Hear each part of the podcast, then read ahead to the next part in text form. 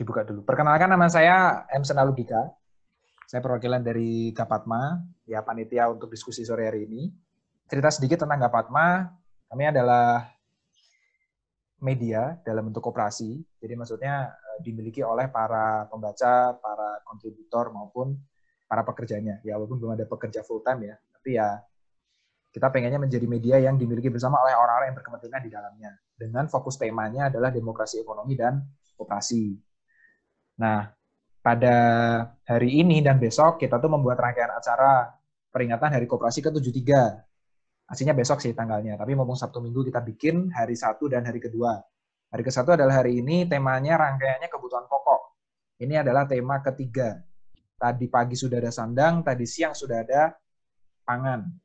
Sore ini kita ngomongin papan. Besok kita ngomongin masa depan. Nah, detailnya gimana bisa cek Instagram kita di 334455 titik dem eco ya. Nah, tema kita sore hari ini adalah papan. Pengantarnya ya tentu kebanyakan jangan kebanyakan deh. Semua orang pengen punya hunian, pengen punya tempat di mana mereka bisa setelah kerja ya tempat berteduh, pulang gitu. Rumah. Di sini sudah diundang dua pembicara, pemantik untuk membahas kok kelihatannya nggak semudah itu ya kita punya rumah. Pertama ada Mas Rausan Fikar Mutahari. Dia adalah praktisi bisnis properti di Semarang. Halo Mas Rausan. Halo. Halo. Berikutnya ini ada Mas Yuli. Semua. Mas Yuli Kusworo, Direktur Pelaksana Arkom Indonesia. Arkom ini arsitek komunitas. Halo Mas Yuli. Ya Mas, selamat sore. Nah, sore semuanya. Ya, dua pematik ini kita akan ajak diskusi dengan alur sebagai berikut ya. Ini buat biar lebih kebayang aja nanti skema diskusi kita seperti apa. Pertama, kita akan mulai dari 20 eh, menit materi dari Mas Yuli. Setelah itu 20 menit materi dari Mas Rausan. Dilanjutkan dengan 20 menit kita tanya jawab dari pertanyaan yang sudah diisikan waktu kemarin daftar. Jadi kemarin kan waktu daftar udah ada banyak pertanyaan, sudah moderator rangkum, terus ya kita utamakan beberapa hal. Setelah itu setengah jam sisanya ya, kita fleksibel. Mayoritas tanya dan jawab dari peserta-peserta yang ada di ruangan ini ya, live. Tapi supaya lebih terstruktur cara kita bertanyanya, biasanya kan kalau kita naruh di chat Zoom, khawatirnya tenggelam ya, hilang atau nggak kelihatan sebenarnya mana sih pertanyaan yang penting atau mana pertanyaan yang buat kita pengen diutamakan. Ya, jadi caranya adalah seperti ini. Saya ini share link ya, monggo cek di chat nama ada app namanya Slido. Nah, Slido itu akan bisa ngapain sih? Ini saya share screen biar lebih jelas ya, share screen. Nah, linknya ini kalau mas teman-teman buka di HP maupun di laptop ya, bisa ketik pertanyaan, terus bisa bikin nama terserah. Ini tadi saya katakan saya tulus, gitu. atau bisa anonimus terserah. Jadi kalau mau nanya, selagi para pembicara sedang bercerita, sedang menyampaikan materi, tolong ditaruh di Slido ini supaya lebih tertata dan tersimpan semua pertanyaannya. Kalau belum kepikiran mau nanya apa, bisa ini nge-like. Jadi kita nanti bisa lihat, oh pertanyaan mana nih yang menurut kita secara bersama-sama kolektif yang lebih penting. Nanti like-nya paling banyak. Nanti kita akan mulai dari atas untuk menjawab pertanyaan itu satu persatu. Itu ya kira-kira. Dan nanti saya akan berkali-kali naruh linknya, karena nanti ya untuk teman-teman yang baru gabung kan dia nggak bisa lihat chat-chat yang di atas-atas. Jadi saya akan ketik lagi di chat supaya yang lain paham bahwa kalau mau nanya di sini ya, kalau mau nanya di sini. Jadi mohon maaf kalau nanti akan beberapa kali muncul. Itu alur diskusi kita sore hari ini. Cukup jelas, teman-teman? Aman? Boleh dijempol, boleh dianggu-anggu kalau yang pakai video. Oke. Jadi untuk dua tahap pertama kita akan mulai dari materi Mas Juli dan Mas Rausan. Selama itu mohon di mute dulu ya supaya nanti kita bisa fokus mendengarkan nggak ada noise-noise lain-lain. Monggo Mas Juli bisa dimulai dari materinya jenengan. Terima kasih Mas Ena. Uh, uh, dibantu untuk share apa screen-nya ya Mas? Boleh Mas, sebentar. Tak buka dulu. begini. Ya. Selamat sore teman-teman semuanya yang bergabung di apa diskusi daring ini. Ya, eh, yang pertama eh, saya memperkenalkan diri bahwa saya ini sebenarnya apa namanya memang apa namanya berkegiatan selama mungkin ya lebih dari 10 tahun terakhir untuk mencari solusi-solusi atas perumahan. Nah, tetapi juga apa namanya kalau kita ngomong perumahan tentu saja eh, apa namanya uh, menarik ya. Artinya nggak ada selesainya nih ngomongin ngomongin perumahan. Dan pasti teman-teman yang bergabung di sini juga bagian dari kelompok yang uh, apa istilahnya homeless gitu kan. Homeless gitu kan masih berjuang untuk gimana caranya mendapat rumah apa bisa beli rumah dan seterusnya. Ini saya pikir menjadi apa uh, sesuatu yang uh, sangat menarik. Tetapi uh, saya dan teman-teman di Arkom itu jadi arsitek komunitas yang memang concernnya adalah mendampingi masyarakat menengah ke bawah. Yang perjuangannya lebih ngeri lagi gitu ketika kita ngomong rumah gitu. Sehingga uh, apa namanya uh, irisannya akan banyak sekali dengan soal irisan soal politik soal ruang soal apa namanya sosial soal apa namanya pembiayaan macam-macam. Nah di sini yang mungkin saya uh, diundang Mas Sena untuk untuk sharing lah gitu. Jadi uh, memang masih apa menghubung-hubungkan dan menjembatani antara peran-peran banyak pihak gitu lah kira-kira. Nah, ini pada sore hari ini saya coba apa namanya membagikan karena temanya adalah sebenarnya uh, apa namanya memperingati Hari Koperasi. Jadi pas sekali kalau kita bicara tentang uh, bagaimana memperjuangkan papan tetapi dalam konsep apa namanya bersama gitu. Jadi kalau ngomong koperasi bukan soal koperasi adalah apa namanya badan hukum atau badan usaha tetapi lebih pada soal spirit gitu sebenarnya. Spirit hmm. kebersamaan, spirit bagaimana kita apa namanya satu sama lain saling tolong. Nah, ini yang yang menjadi uh, kata kunci ketika kita bicara sebenarnya uh, papan kita bersama kebersamaan yang dimaknai dalam konteks papan itu seperti apa, eh, kira-kira saya akan eh, sharingkan sedikit ini nanti. Nanti selebihnya mungkin kita akan bisa diskusi. Lanjut, Mas. Ya, pertama yang ingin saya sampaikan adalah soal kebutuhan rumah. Kalau kita ngomong rumah di Indonesia itu uh, ya dari dulu uh, apa namanya kekurangannya cukup banyak gitu. Sampai tahun 2019 saja masih 7,6 juta unit. Itu yang uh, backlog hunian, penghunian. Belum lagi yang kita bisa melihat rumah-rumah yang tidak layak huni yang jumlahnya orang punya rumah tapi tidak layak itu masih 3,4 juta. Ini angka-angka ini saya pinjam dari datanya Kementerian PUPR yang uh, baru saja melakukan evaluasi terhadap RPJMN-nya sampai 2019 dan kemudian menyusun 2000 apa RPJM lanjutan untuk lima tahun ke depan. Kebetulan saya terlibat uh, sedikit di dalam proses itu sehingga dimintain untuk masukan uh, bagaimana membuat strategi-strategi terobosan di di situ. Nah, dari apa namanya uh, backlog penghunian yang jumlahnya masih 10, sekitar 10 juta itu, itu target penanganannya itu masih sangat minim, 2,2 juta unit hingga tahun 2019. Artinya kalau sekarang kita bicara tahun 2020, masih mungkin ada sekitar 6 juta orang yang tidak punya rumah. Nah, ini yang yang menjadi apa namanya catatan apa namanya kita bersama bahwa kita itu temennya banyak kalau nggak punya rumah gitu. Cuman kemudian gimana temennya banyak tapi nggak berteman gitu loh. Nah itu kan yang menjadi apa namanya uh, uh, poin penting. Gimana kita supaya berteman gitu kan. Oke lanjut mas.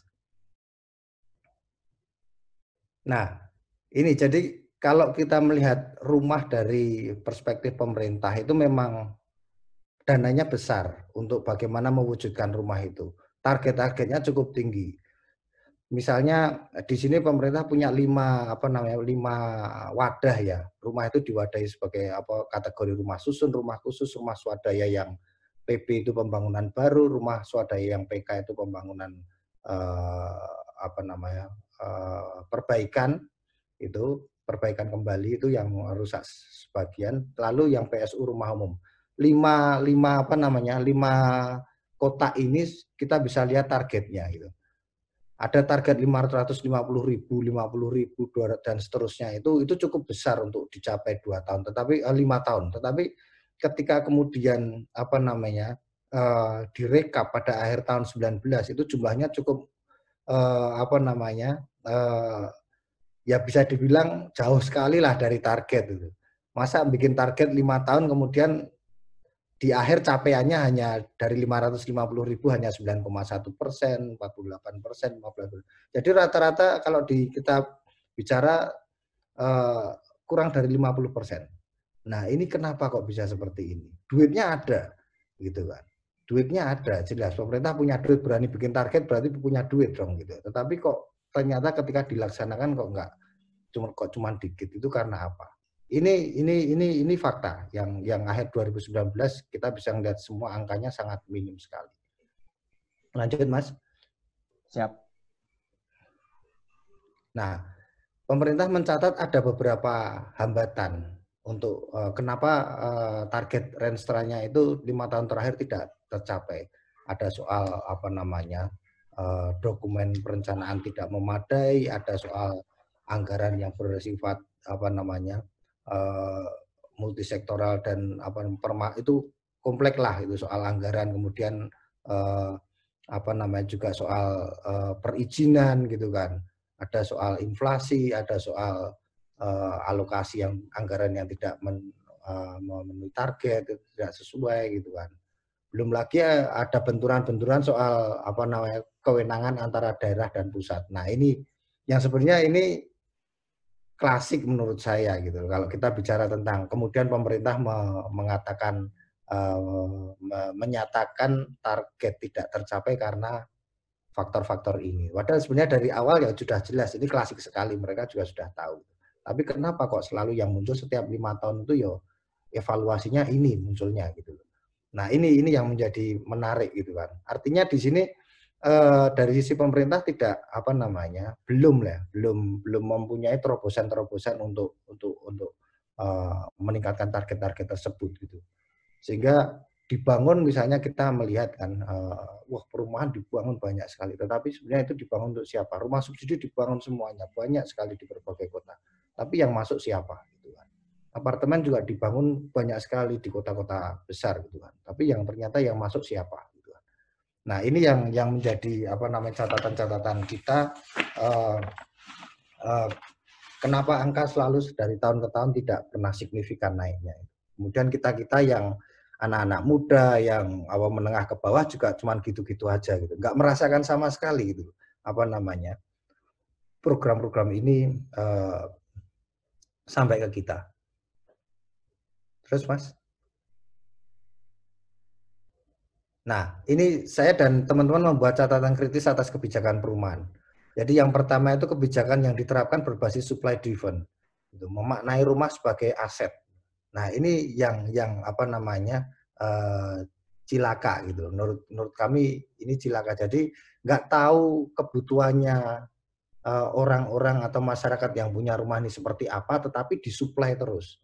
Sehingga suplainya ini nggak pernah memenuhi kebutuhannya sebenarnya gitu. Jadi suplainya banyak, tetapi kemudian apa namanya uh, uh, uh, yaitu untuk siapa itu tadi. Jadi makanya kan banyak uh, apa rumah-rumah di kota-kota besar yang juga kosong, kemudian uh, nggak dihuni, apalagi yang hunian vertikal.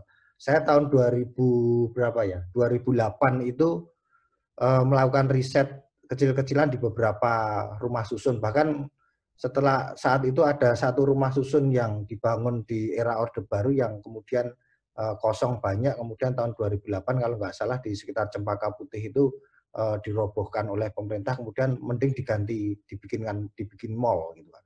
Artinya dianggap rumah rumah itu nggak nggak nggak ada yang mau kok gitu tinggal di situ.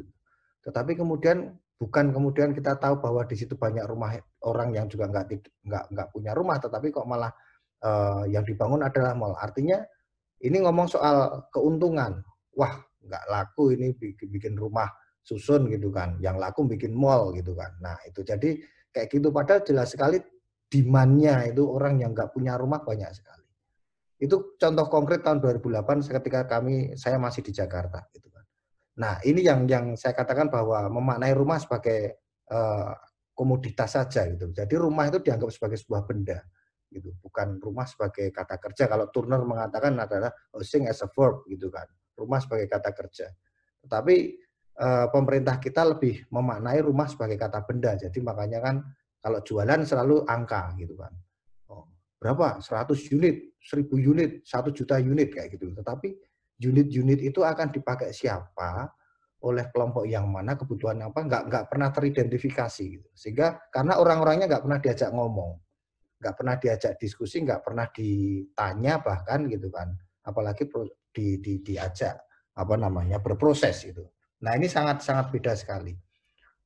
Lalu juga apa eh, catatan kritis ini membawa pada sebenarnya ini pendekatan yang sudah ditinggalkan kalau kita ngomong di Amerika atau di kota-kota lain yang di negara-negara Eropa yang sebenarnya juga sudah meninggalkan pendekatan ini tetapi kita sampai sekarang masih uh, apa namanya melakukan.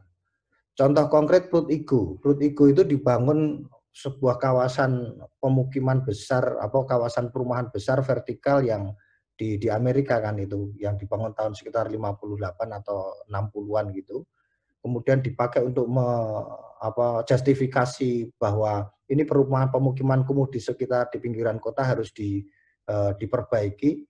Kemudian dibangunkan itu tanpa proses uh, dialog dengan masyarakatnya. Nah, yang terjadi akhirnya tahun 75-an bisa dicek nanti di internet Perut Igo namanya gitu kan. Itu uh, apa namanya? Akhirnya menimbulkan masalah baru, masalah sosial, masalah kriminal, masalah uh, apa namanya uh, pembunuh, ya, pembunuhan, kemudian uh, uh, drug dan macam-macam yang akhirnya uh, terjadi degradasi uh, kualitas bangunan yang akhirnya uh, juga kemudian bangunan yang terdiri dari sekitar 36 tower itu dengan ketinggian sekitar 15 lantai semuanya dirobohkan pada tahun 70-an oleh pemerintah sendiri Gitu. Artinya ini pendekatan yang sudah gagal yang kita lakukan ini kalau kita sekarang masih menggunakan pendekatan uh, sama seperti itu berdasarkan supply driven gitu. Tetapi kita masih tetap terus melakukan sehingga saya dan teman-teman lebih memilih untuk mempengaruhi pemerintah untuk tidak ngomong lu salah tetapi ayo kita melihat ini ada sesuatu yang uh, potensinya besar dan ini bisa di apa dikembangkan gitu. Jadi uh, oke okay lah itu dilakukan tapi kita nanti akan lihat mana yang lebih berhasil, mana yang lebih apa namanya uh, sustainable. Lalu yang kedua adalah pendekatannya sangat individualis gitu kan. Jadi rumah itu dimaknai sebagai ya punya orang gitu kan. Artinya orang itu personal, keluarga, tetapi antar keluarga itu tidak dimaknai sebagai sebuah entitas sosial gitu kan. Jadi pendekatannya sangat individualis. Siapa yang mau beli rumah uh, datang ke Eh, pemerintah atau apa namanya program-program tadi ya basisnya adalah kakak gitu kan. Tetapi antar kakak kemudian dihubungkan atau tidak itu saya pikir jarang sekali kita melihat gitu. Sehingga uh, dengan pendekatan individualis ini kemudian me, me, menutup sekat-sekat orang untuk berdialog, untuk berpartisipasi terlibat di dalam proses mewujudkan papan tadi. Yang ketiga adalah pemerintah yang seharusnya menjadi fasilitator untuk banyak pihak, gitu, terutama masyarakat yang butuh rumah itu belum mampu mengakomodasi berbagai gagasan kreatif dalam konteks genre perumahan formal, perumahan swadaya, itu nggak bisa. Jadi tapi kecenderungannya malah, malah uh, ini masih menjadi bagian dari uh, kenyamanan pemerintah untuk ikut bermain di dalamnya, gitu kan. Nah itu sehingga ini ini ini bagian dari politik anggaran sebenarnya karena anggarannya cukup besar di perumahan ini. Jadi kalau ikut jadi pemainnya asik gitu lah gitu kira-kira kayak gitu. Padahal sebenarnya jadi uh, fasilitatornya itu juga malah lebih keren gitu kan. Biar yang bermain uh, teman-teman yang memang uh, bergiat lah gitu dan masyarakat itu sendiri. Pemda oke okay lah, Pemda memang ada kaitan dengan memang kebijakan-kebijakan lokal. Itu penting. Lalu yang terakhir ini yang mungkin akan menggiring diskusi kita ke dalam konsep apa namanya, eh, bagaimana kita bergotong royong mewujudkan perumahan itu penting. Jadi kebijakan perumahan yang ada itu sebenarnya melunturkan pondasi atau karakter sosial budaya masyarakat Indonesia yang memiliki sistem sosial. Kekuatan kekuatan kita itu kan kita itu ngomong perumahan itu sebenarnya enggak enggak enggak terlalu apa namanya istimewa gitu loh karena orang dari dulu juga sudah biasa bikin rumah sendiri kayak gitu kan meskipun dari awal apa bikin rumah kecil, kemudian tumbuh, tumbuh, tumbuh dan seterusnya, bikin rumah di kampung-kampung dibantu tetangga-tetangganya. Bahkan kita juga bisa melihat mungkin dari Sabang sampai Merauke itu dari berbagai budaya yang kita miliki itu nggak ada di apa secara tradisional orang membangun rumah itu bangun sendiri gitu. Pasti dibantu tetangganya di Padang itu bahkan ada kalau tetangganya apa namanya bikin rumah kan tetangga-tetangga yang lain nyumbangnya itu nyumbang material kayak gitu kan. Kemudian di misalnya di Jawa Tengah atau di ya di Jawa Tengah itu ada budaya sambatan gitu kan. Ya kalau ada yang bikin rumah yang lain bantu tukang setiap hari Minggu, kemudian gotong royong kayak gitu-gitu. Di apa di Sulawesi banyak kita melihat bahwa bagaimana orang membangun bersama-sama, mindah rumah bareng-bareng itu itu adalah budaya kita. Itu adalah pondasi kita bahwa sebenarnya rumah ini menjadi bagian dari eh, kehidupan sosial yang nggak terpisahkan. Sehingga kalau kita ngomong rumah nggak bisa ngomong rumah secara individu. Rumah itu home bukan house gitu kan. Nah, ketika kita ngomong rumah sebagai home, itu di situ tuh soal rasa, bukan soal sekedar fisik saja. Gitu. Ini saya pikir yang uh, catatan kritis atas kebijakan perumah, perumahan di Indonesia yang saat ini lebih ke arah uh, apalagi sudah masuk menjadi satu menjadi bagian dari Kementerian PU. Nah, PU ini kan pekerjaan umum ini kan sangat teknis sekali dan sangat fisik gitu kan. Apalagi sekarang masuk di cipta karya ya udah tambah fisik lagi gitu kan. Jadi sosialnya nggak ada sama sekali, gitu. Jadi budaya-budaya yang kemudian ada ini luntur oleh uh, apa arus apa namanya kebijakan yang sekarang diwujudkan apa di, dilakukan oleh pemerintah. Ini ini catatan kritis uh, saya dan teman-teman ketika melihat apa apa yang terjadi tentang perumahan di Indonesia. Lanjut, Mas. Nah, dari data BPS itu uh, kita bisa mencatat ini 2019 ya. Itu 69, sekian persen itu perumahan di Indonesia dibangun secara swadaya, dibangun sendiri oleh masyarakat. Sedangkan yang 30 persen itu dibangun dibangunkan ya bisa karakternya bisa dibangun oleh developer, bisa dibangun oleh uh, ya kebanyakan oleh developer oleh negara kayak itu dengan pendekatan top down.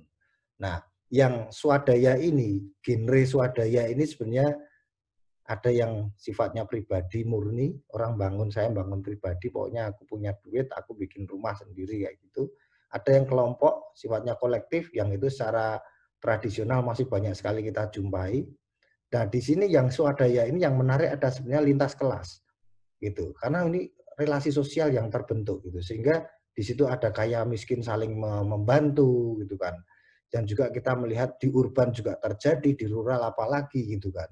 Itu dan artinya yang memang kalau kita ngomong perumahan swadaya ini, ya inilah budaya kita ketika mewujudkan papan gitu. Dan ini fakta 70%. Tetapi tadi 70% kalau kita melihat data di pemerintah tadi, ternyata juga uh, yang perumahan swadaya sendiri ditargetkan lima tahun terbangun 1 juta 750 unit itu terbangun hanya kurang dari 50 persen. Itu. Jadi itu faktanya. Tetapi datanya menyebutkan bahwa 70% perumahan itu dibangun secara swadaya. Ini yang menarik. gitu. Sehingga potensi untuk mengembangkan perumahan swadaya ini sekarang luar biasa besarnya gitu kan. Dengan uh, landasan tadi ya, spiritnya adalah demand driven bukan bukan apa namanya? bukan supply driven. Artinya di sini kita akan melihat orang-orangnya dulu gitu kan. Uh, ini orang-orangnya punya karakter seperti apa, punya kebutuhan apa dan macam-macam baru didiskusikan. Ini yang sebenarnya saya ingin ajak ke arah uh, uh, ke sini. Jadi uh, kenapa membangun perumahan uh, lebih asik kalau gotong royong, lebih asik kalau bersama-sama. Dan kebersamaan ini adalah sebenarnya sekali lagi menjadi spirit dasarnya kita berkooperasi. Terus Mas? Nah, sistem sosial komunitas itu saya pikir yang menjadi solusi. Gitu. Solusi atas papan itu adalah sistem sosial. Gitu. Jadi modal sosial yang kuat dimiliki masyarakat Indonesia gitu. Itu ada kuat sekali gitu loh. Misalnya yaitu tadi apa namanya uh, memaknai rumah itu sebagai bagian dari uh, kehidupan sosial masyarakat gitu. Jadi nggak mungkin kita ngomong rumah itu ya ini rumahku nggak ada urusan dengan tetangga dan seterusnya. Itu secara apa namanya kodrat itu kalau kita orang Indonesia kelihatannya enggak gitu loh. Kalau mungkin apa namanya orang-orang Eropa yang memang budayanya budaya individualis mungkin ya. Tapi kita itu secara budaya, secara dari sononya itu memang manusia sosial gitu kan. Sehingga uh, lebih kuat lah kalau kita lebih mudah kalau sebenarnya kita ngomongin soal uh, membangun perumahan secara secara kolektif gitu. Nah, makanya kekuatan yang yang sifatnya budaya gotong royong ini yang harus kita kelola, kita kembangkan. Mengembangkannya tentu saja harus kreatif sesuai konteks gitu kan. Kalau dengan masyarakat miskin bagaimana? Kalau dengan masyarakat yang menengah bagaimana? Atau kemudian menggabungkan antara miskin dan kaya bagaimana? Nah, itu itu yang menurut saya menarik sekali dalam konteks uh, saling tolong tadi. Mewujudkan papan tetapi kita saling tolong. Karena sekarang ini kan kita berhadapan dengan Kenapa kita nggak bisa uh, apa namanya membangun rumah atau membeli rumah? Karena selalu rumah ini kan nggak nggak bisa kan kita bikin di atas pohon gitu kan?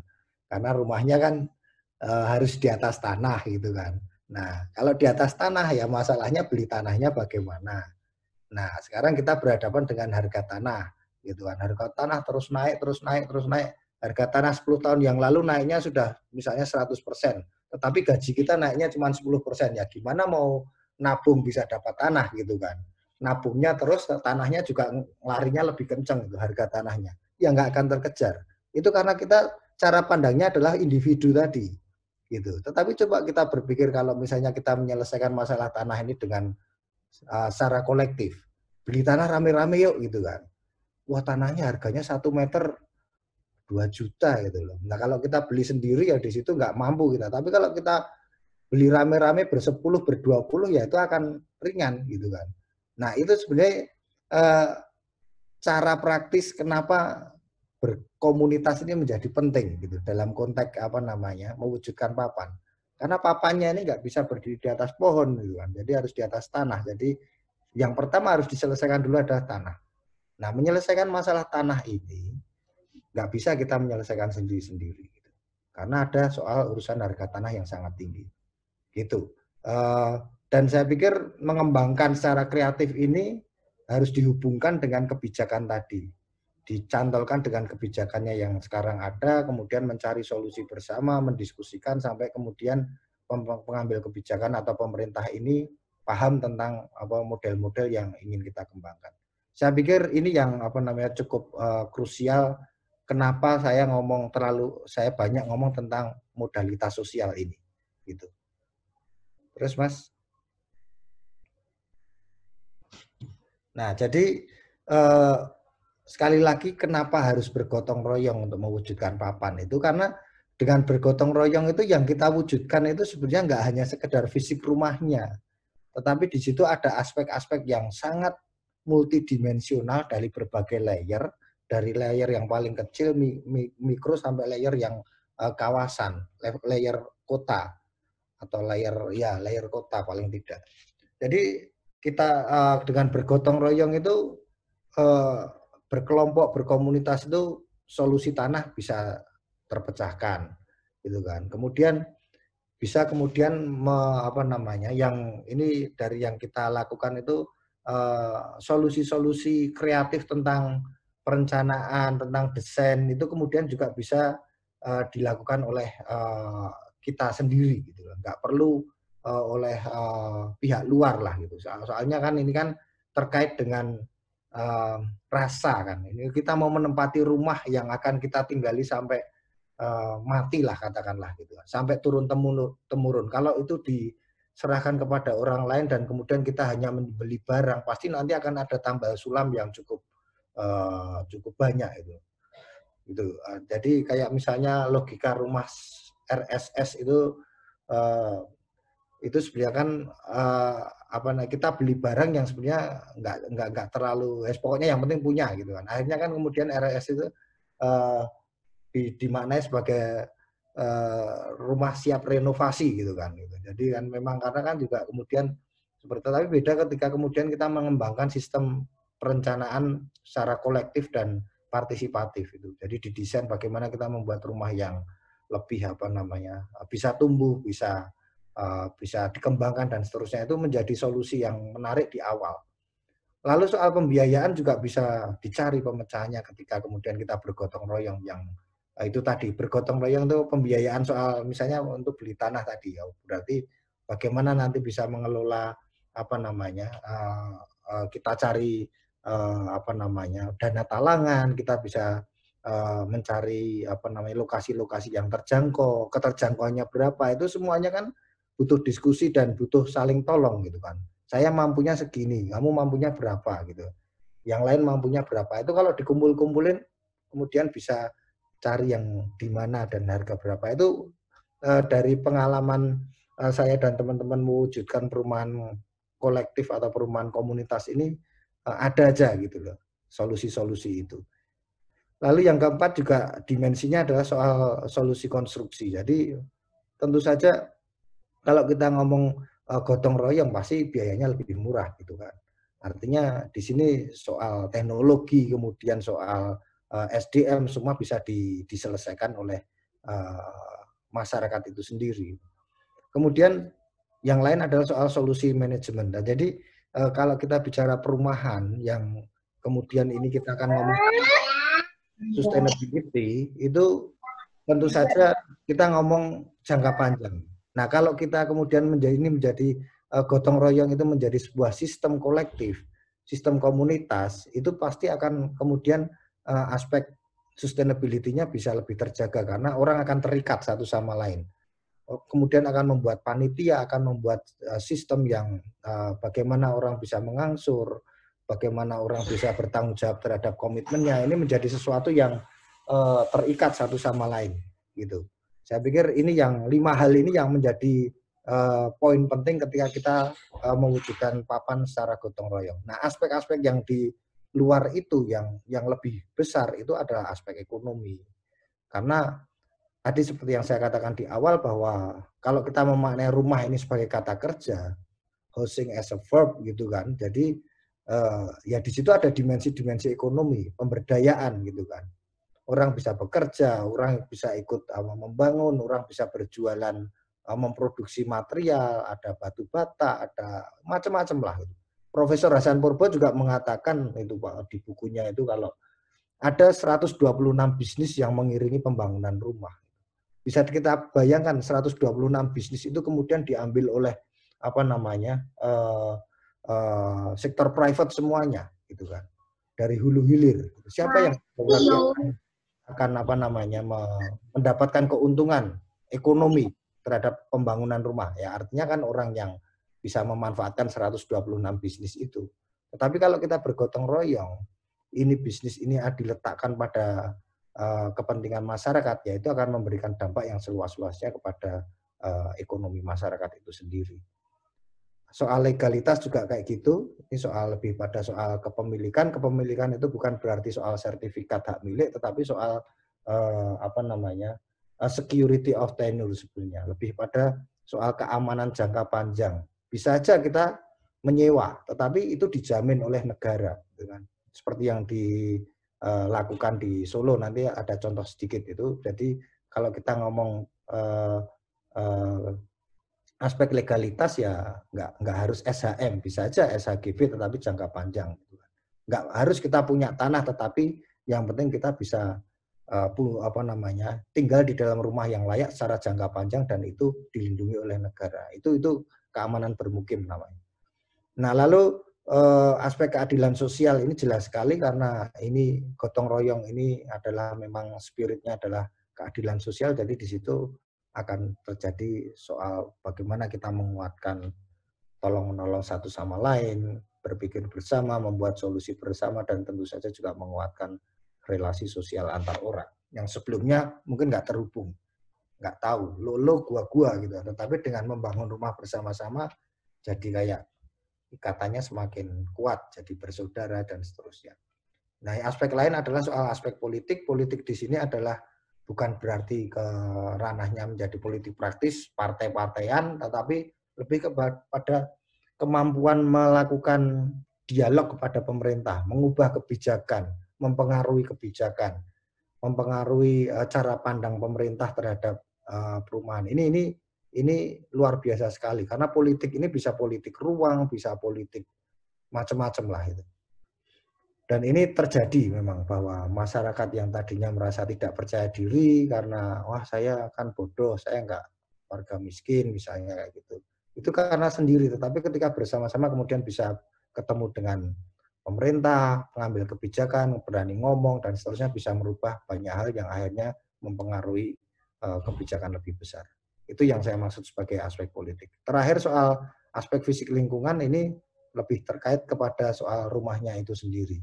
Rumah dalam arti apa namanya uh, fisik bangunan gitu kan arsitektur gitu. Tapi juga lingkungan bagaimana mau bersama-sama bisa mewujudkan eh, ruang-ruang uh, atau lingkungan yang lebih uh, uh, ramah gitu loh terhadap anak terhadap uh, dunia yang lebih luas gitu. Saya pikir itu yang uh, kenapa gotong royong ini menjadi sangat penting dan ini saya tidak ngambil dari teori tetapi dimensi-dimensi aspek-aspek yang saya tulis di sini adalah memang berdasarkan praktek-praktek yang kita lakukan paling tidak selama 10 tahun terakhir. Lanjut, Mas.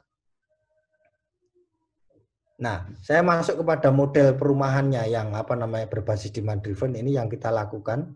Yang pertama di Solo, ini ada 42 KK eh, warga yang ada di bantaran sungai yang tinggal sejak 98 2014 kemudian akan uh, diminta pindah atau digusur karena bantaran kalinya kali PP ini akan diremajakan lah akan diperbaiki eh, beautifikasi untuk apa namanya uh, wisata sungai.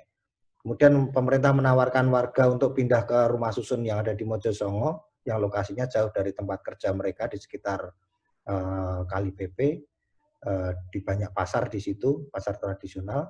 Nah yang akhirnya kemudian uh, saya dan teman-teman mengajak warga untuk uh, memulai proses. Kalau nggak mau tinggal di tempat yang jauh apa usulannya gitu. Pengennya tinggal di dekat sini ya oke. Kita identifikasi tanah kemudian negosiasi ke Pak Wali dan kemudian sebelumnya melakukan pemetaan ini dulu. Mengidentifikasi kebutuhan-kebutuhannya. Ada berapa orang ada berapa kakak kebutuhannya apa punyanya apa di dalam rumah ada berapa orang ini yang kemudian akan menggiring proses-proses uh, politik tadi kepada untuk disampaikan kepada Pak Wali dan yang menyampaikan sendiri adalah warganya. Ini proses bergotong royong mewujudkan rumah tadi dari warga bantaran sungai. Terus Mas, ini proses awalnya tahun 2014 lalu kita ajak warga untuk me menanyakan ke pemerintah ada nggak tanah-tanah pemerintah yang dekat sungai itu yang bisa digunakan untuk mendesain atau me menggeser rumah-rumahnya mereka yang mepet sungai tadi. Ternyata ada ada dua tempat yang kemudian dua lokasi itu uh, kita ajak warga untuk melakukan proses perencanaan bersama seperti uh, apa namanya ya workshop lah gitu.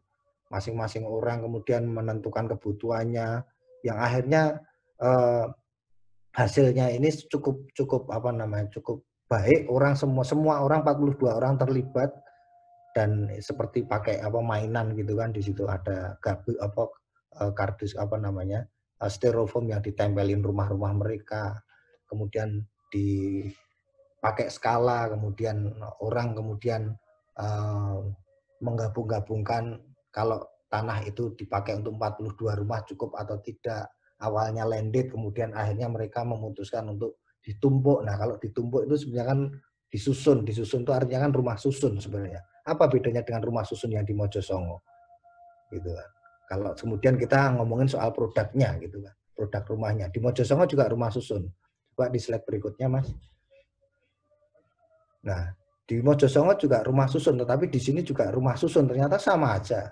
Nah, inilah yang membedakan soal prosesnya. Siapa yang mengambil keputusan bahwa siapa di mana, kemudian ruangnya ukurannya berapa, siapa yang ditempatkan di bawah, kelompok difabel yang bagaimana, ada ruang usaha untuk tanaman seperti apa. Ini siapa yang membuat keputusan? Inilah masyarakat. Inilah gotong royong membangun rumah seperti ini. Ini sudah selesai, sudah jadi, gitu kan. Dan warga sangat senang gitu loh. Mungkin ukurannya lebih kecil dari yang di Mojosongo. Di Mojosongo ukurannya justru malah tipenya 36. Tetapi di sini ukurannya tipenya 27. Kenapa warga mau lebih kecil? Kalau logikanya kan di sana lebih besar, lebih nyaman, dan seterusnya. Mereka nggak butuh soal itu, tetapi yang dibutuhkan adalah soal bagaimana mereka terlibat di dalam proses. Nah, ini contoh bagaimana, dan ini tidak hak milik. Ini adalah hak pakai, hak guna bangunan yang kemudian disahkan oleh Pak Wali menggunakan SK, yang ini bisa ditempatin lebih dari uh, eh, SK-nya 20 tahun, tetapi nanti bisa eh, kepada uh, warisnya atau diperpanjang kayak gitu. Bunyinya di SK seperti itu. Artinya ini mengubah apa namanya aturan yang sebenarnya ada di aturan rumah susun. Di rumah susun hanya dua dua kali tiga tahun. Dari itu harus keluar. Tetapi di sini kenapa kemudian disebut rumah renteng? Itu karena secara tipologi nggak memenuhi syarat ukuran dari rumah susun. Betul rumahnya bersusun.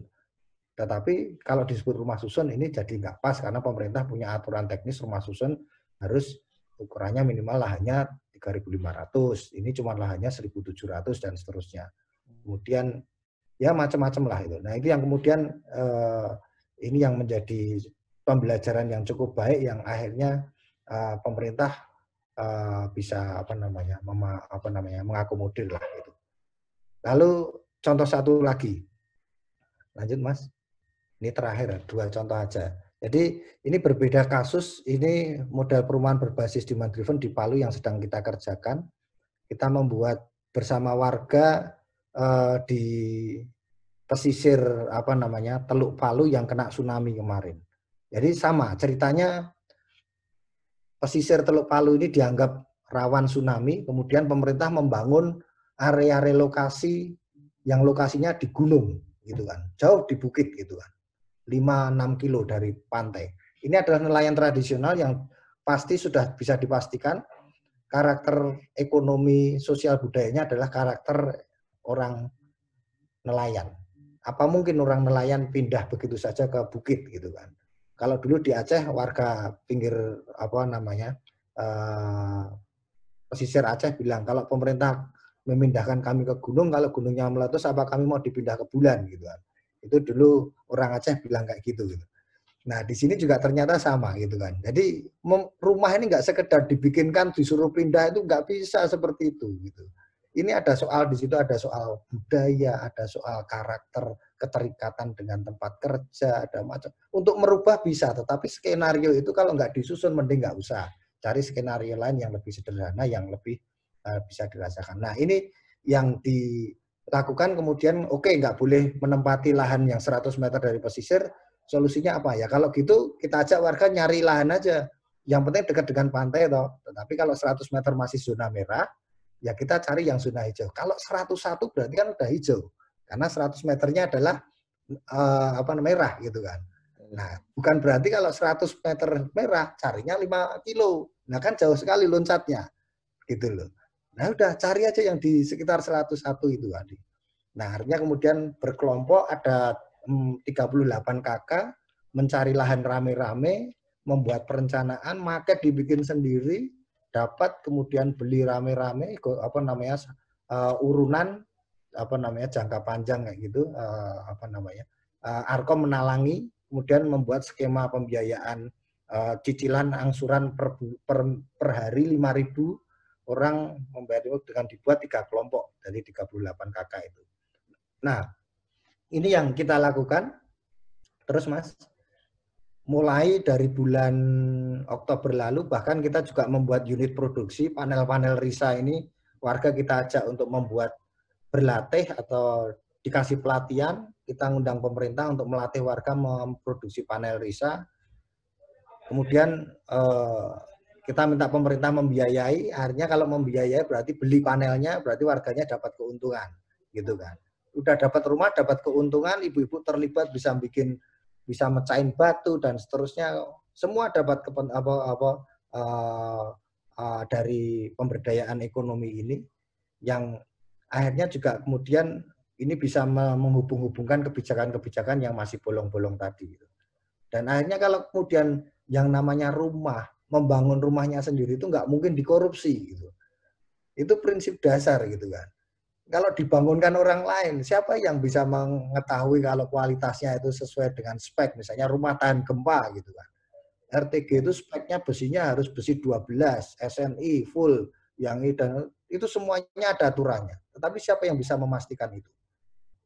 Itu. Jadi kalau dibangun sendiri nggak bakal kita mengkorupsi besinya, nggak bakal kita mengkorupsi semennya dan seterusnya. Artinya kontrol kualitas ada pada masyarakat itu sendiri. Gitu. Peran pemerintah apa? Regulasi, pembiayaan, gitu kan. Nah, gitu. Jadi menghubung-hubungan itu yang menarik. Lanjut, Mas. Jadi antara proses dari persiapan, perencanaan, desain, pelaksanaan bisa dilakukan. Ini 38 kakak sebenarnya. Uh, saya salah nulisnya.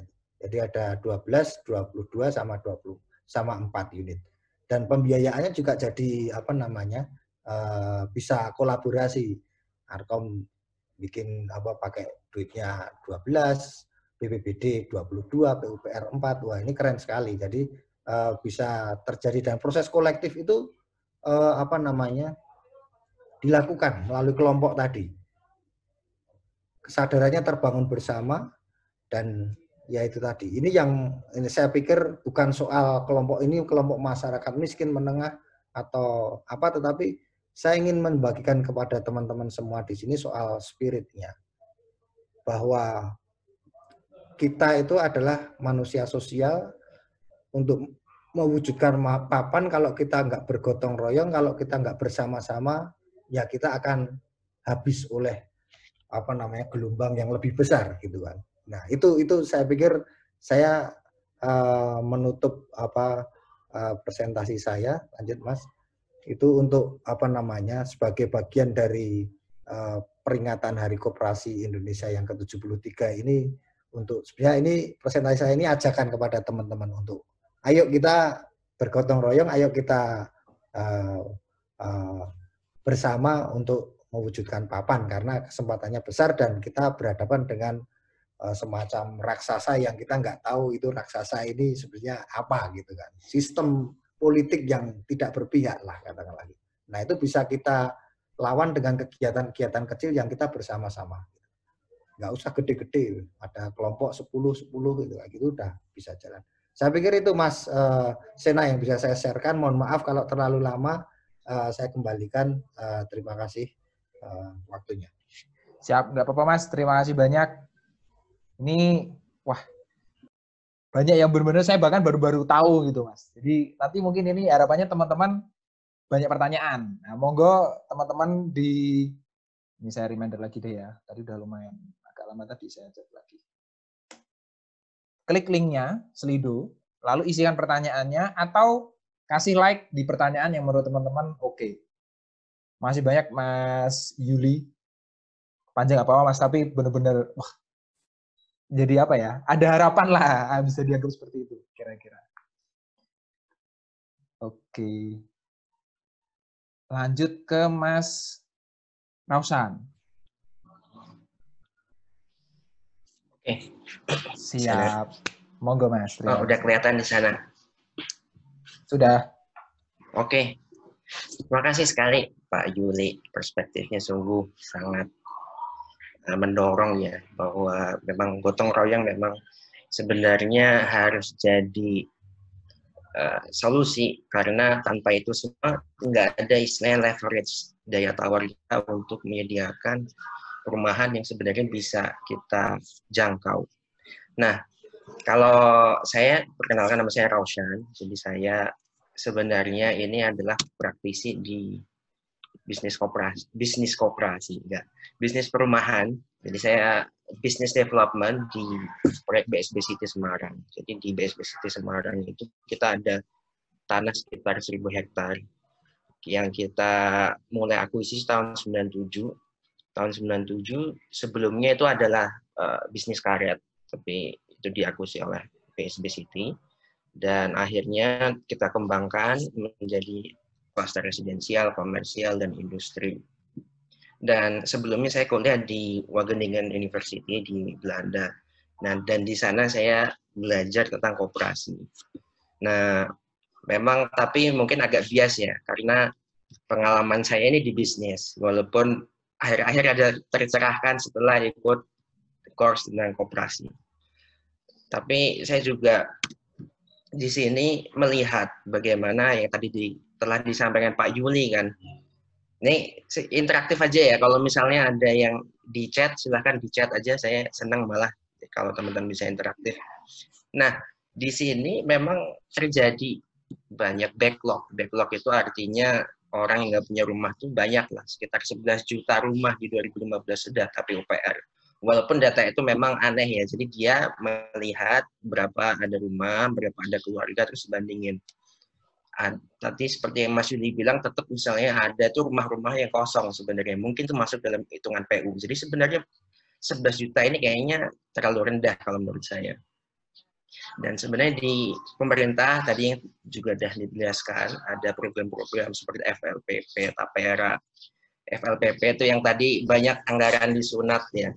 Jadi kita itu kalau misal melihat rumah sederhana, nah banyak tuh beberapa teman saya itu ada kontraktor ya. Mereka ambil margin dan mereka melihat anggaran pemerintah seperti itu. Udah gitu ketika masuk tender juga harus amplopin orang-orang di dalamnya akhirnya down spec. Dan rumah itu rumah yang sering renovasi ya Pak Yuni ya kenyataannya seperti itu. Dan program lain pemerintah misalnya Tapera atau KPR subsidi itu fokus di financing. Sementara tidak berbicara banyak tentang rumah ideal. Kalau menurut teman-teman nih kan rumah ideal tuh kan yang bisa eh, teman-teman uh, di situ hidup dengan nyaman, sehat, gitu kan. Tapi apakah itu sudah di sudah dipenuhi dengan program pemerintah sekarang? Saya rasa kalau menurut saya sih belum. Kalau menurut teman-teman gimana? Nah, ada satu pertanyaan yang saya lihat tuh waktu ngisi form. Kenapa sih rumah itu mahal? Nah, ini sedikit bocoran dari developer. Jadi developer ini sebenarnya punya dua unsur dalam dalam penjualan rumah yaitu tanah dan bangunan. Kalau bangunan sebenarnya profitnya tidak banyak sebanyak tanah. Kalau tanah itu adalah unsur yang sebenarnya paling banyak dinikmati oleh developer. Sebenarnya dua setengah kali dari harga pembelian tuh biasanya developer rata-rata seperti itu. Jadi misalnya tanahnya dia beli 300 ribu, ya dijual sekitar satu juta minimal. Nah, itu profitnya kan udah dua, dua setengah kali. Sementara untuk bangunan sebenarnya profitnya tidak terlalu banyak, karena perumahan biasanya ngesup pada kontraktor. Nah, kontraktor itu biasanya juga ada pajak 10% dari harga kontraktor itu dinaikkan sekitar 10 sampai 20 persen. Jadi bayangkan berapa margin yang dinikmati oleh developer sekarang. Belum lagi dengan peningkatan harga tanah yang sangat tinggi. Jadi developer biasa menjanjikan, wah silahkan. Ya, tadi rumah sebagai investasi ya. Jadi tiap tahun naik 10 persen, tiap tahun naik 15 persen, sementara gaji kita nggak naik-naik. Nah, ini yang menjadi salah satu alasan kenapa backlog itu kayaknya semakin banyak. Nah, misalnya kasus hitung rumah ya, sebenarnya boleh dicat nggak teman-teman harga rumah misalnya yang teman-teman ada di daerah biasanya berapa? Saya pengen lihat. Nah, kalau dari sorry, misalnya contoh nih eh, rumah tipe 30, ada teman saya kemarin beli di daerah Solo, dia dapat tanah seharga 400 100 eh, ribu per meter. Dia beli 4.000 meter sehingga dapat murah. Itu tahun 2014. Sementara harga rumah yang dijual itu sekitar 200 jutaan. Nah, harga bangunan per meter persegi itu sekitar pasaran sekitar 2 juta waktu itu. Sehingga kalau misalnya tanah 100 meter dan bangunan 30 meter persegi, standarnya seperti itu. 30 kali 2 juta berapa? 60 juta. Ditambah harga tanah dijual uh, segitu, kalau misalnya belinya 100 ribu, beli 10 juta. Sebenarnya harga rumahnya sekitar 70-80 juta. Dia jual 200 juta dan lakunya kayak kacang goreng. Itu di daerah Solo. Jadi bisa dibayangkan sebenarnya banyak uh, pos-pos profit yang orang ya nggak nggak begitu paham karena sekali lagi dia bisa dapat untung karena dia belinya secara barengan. Jadi itu bisa murah sekitar lebih dari 30 persen.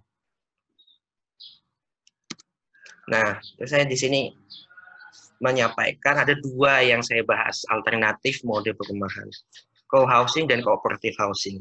Sebenarnya co-housing ini agak mirip sama co-op housing, tapi co-housing ini salah satu ide yang pernah ditawarkan oleh ada seorang arsitek di Indonesia, yaitu DF Housing. Jadi beli barengan seperti tadi Pak Yuli bilang.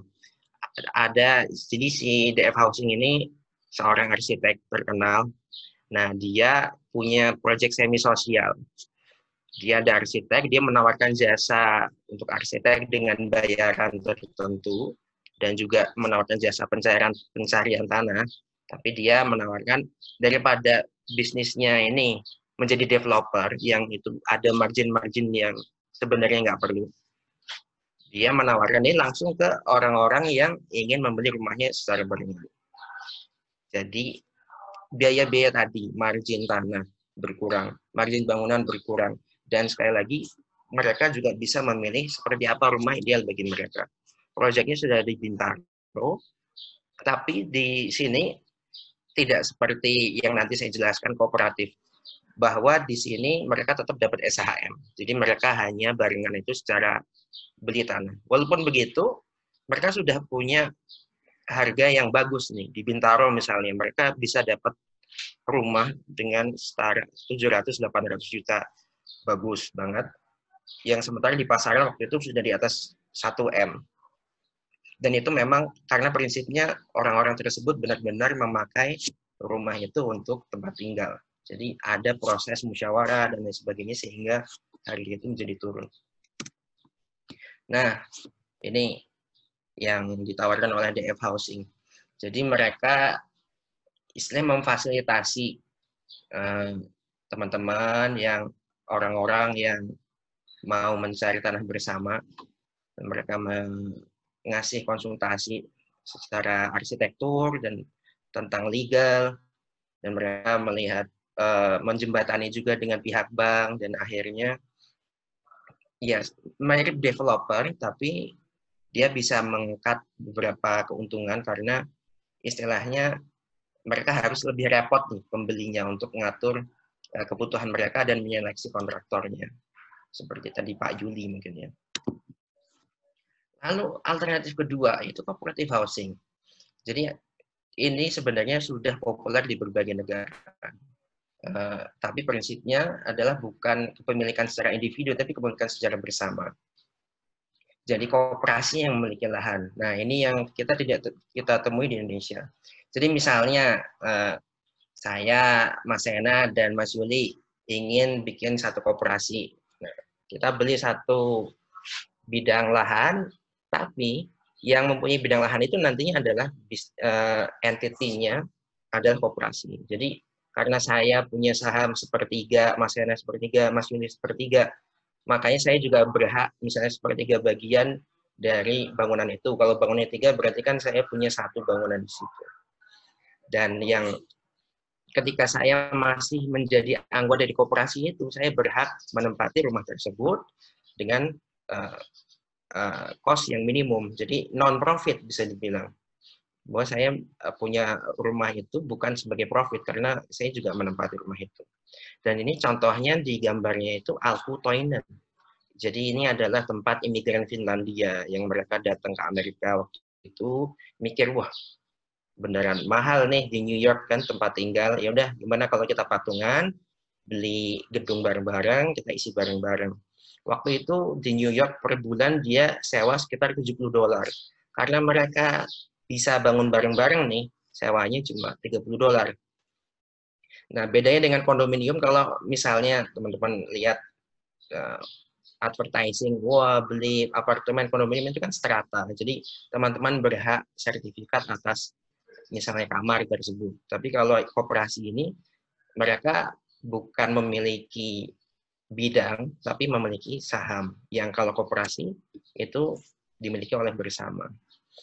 Jadi prinsip-prinsip kooperasi itu seperti ini menurut International Cooperative Alliance. Kalau yang mau di kalau disimpulkan adalah dia self help. Jadi bagaimana mereka bisa bersama-sama menyelesaikan suatu masalah terutama dalam bidang ekonomi dan mereka independen dan otonomi. Jadi prinsipnya adalah menolong diri sendiri. Nah, tadi seperti dijelaskan, memang kalau misalnya nih saya sebagai pebisnis di bidang properti, saya tanya ke teman-teman, mungkin nggak sih prinsip seperti ini? Katanya, wah, nggak mungkin, karena koperasi itu identik masih dengan koperasi simpan pinjam, karena memang entitas koperasi ini masih belum begitu uh, dilirik, terutama untuk bisnis perumahan di Indonesia. Nah, alternatifnya apa? Mungkin kita bisa bikin PT. Misalnya, kalau kita lihat developernya banyak kan kongsian. Nah, kalau misalnya kongsian itu kita punya jumlah saham yang sama, apakah itu juga bisa seperti kooperasi? Mungkin juga. Terus tantangan finansial. Nah, kalau tadi misalnya Pak Yuli menjembatani orang-orang yang nyicil tanahnya ke dia dulu.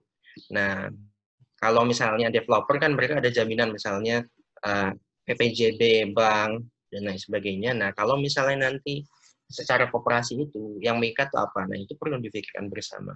Dan juga kepercayaan antara anggota itu perlu. Terus nanti, nah, tentang manajemennya siapa, lalu kalau misalnya barengan ngumpul, siapa yang menentukan, siapa yang nantinya uh, di bagian pengurusan dan lain sebagainya itu ya tantangan bersama. Nah, tapi ya nanti kita mulailah diskusi dari sini. Jadi uh, saya harap tadi juga sudah Pak Yuni sampaikan bahwa pengennya nih sebenarnya uh, rumah dengan terjangkau itu sebenarnya bisa dari perspektif bisnis maupun dari perspektif sosial itu sangat mungkin. Jadi ketika saya belajar koperasi di Belanda itu kan Bang Hatta juga belajar dari situ di sana kooperasi itu sudah jamak sekali. Sementara di kita yang di UUD-nya sendiri udah ada tentang kooperasi, kita sebenarnya masih belum begitu berkembang. Tapi contoh-contoh lain di negara lain membuktikan itu bisa. Dan memang perlu banyak transparansi, kolaborasi sama-sama kita bareng gimana kita mikirin seperti co-housing tadi, sebenarnya dia udah bagus, tinggal gimana kita mencocokkan nih eh, kebutuhan kita sama, kita bikin komunitas senasib sepenanggungan yang pada nggak punya rumah nih, mari bersatulah. Terus gimana kita bisa bikin platform?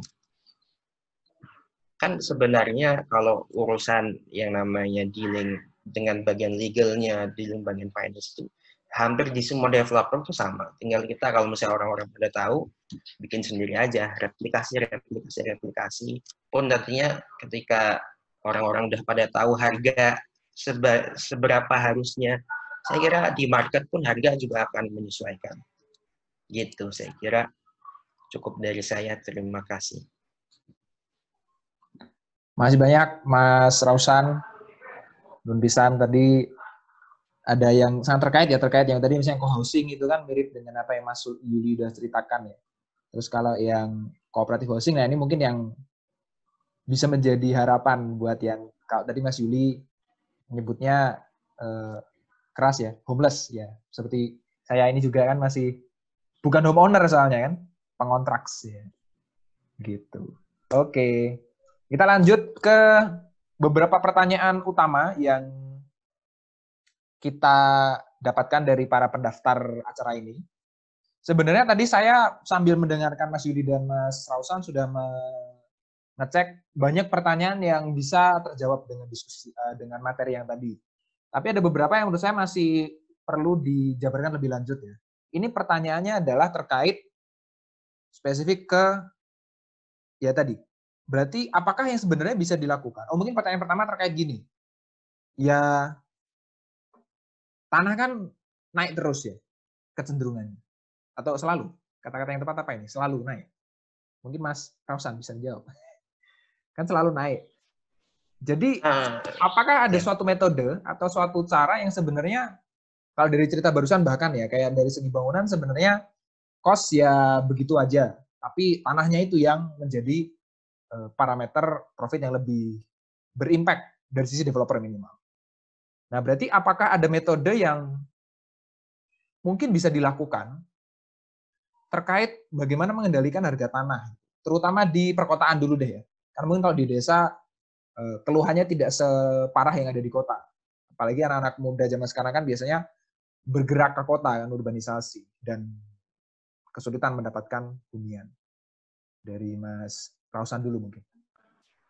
Ya, jadi kenapa harga di kota itu terus naik ya? Tapi sebenarnya kalau kita lihat di Jakarta, terutama di perumahan-perumahan elit, harganya mulai turun, Mas Yana. Percaya oh, atau enggak? Misalnya tanah di mana ya di uh, Jakarta saya lupa. Uh, itu ketika harga katanya 20 juta per meter, 30 juta per meter, tahun-tahun terakhir ini harga perolehan yang sebenarnya orang itu transaksi itu bisa bisa turun. Karena sebenarnya nggak masuk akal. Hmm. Parameternya begini, kalau misalnya tanah itu dibeli, misalnya akan dijual lagi atau dibisniskan, apakah itu masuk akal apa enggak? Yang terjadi sekarang kan bisnis uh, yang namanya properti itu orang dijual, beli lagi, jual beli lagi itu bukan untuk ditempati ya sebagai investasi. Itu bisa menjadi bubble. Nah, oh. kenapa saya bilang kooperasi ini bisa jadi solusi? Karena kalau kita misalnya melihat kooperatif housing ya, misalnya orang nih 10 orang bikin kooperasi 10 orang, 10 rumah. Nah, di sana udah dikontrol nih. Misalnya nanti kalau misalnya orang itu keluar, terus digantikan orang lain, seolah-olah beli jual beli rumah itu bisa diatur. Misalnya pembelian wajar adalah 10% dari setiap tiga tahun. Nah, terus oh. keuntungannya itu nanti balik lagi kooperasinya. Jadi yang menikmati bukan shareholder, bukan uh, shareholder seperti properti ya, cuma beberapa gelintir orang yang memodali. Tapi sekelompok orang yang menempati itu menikmati kenikmatan uh, uh, margin tanahnya juga.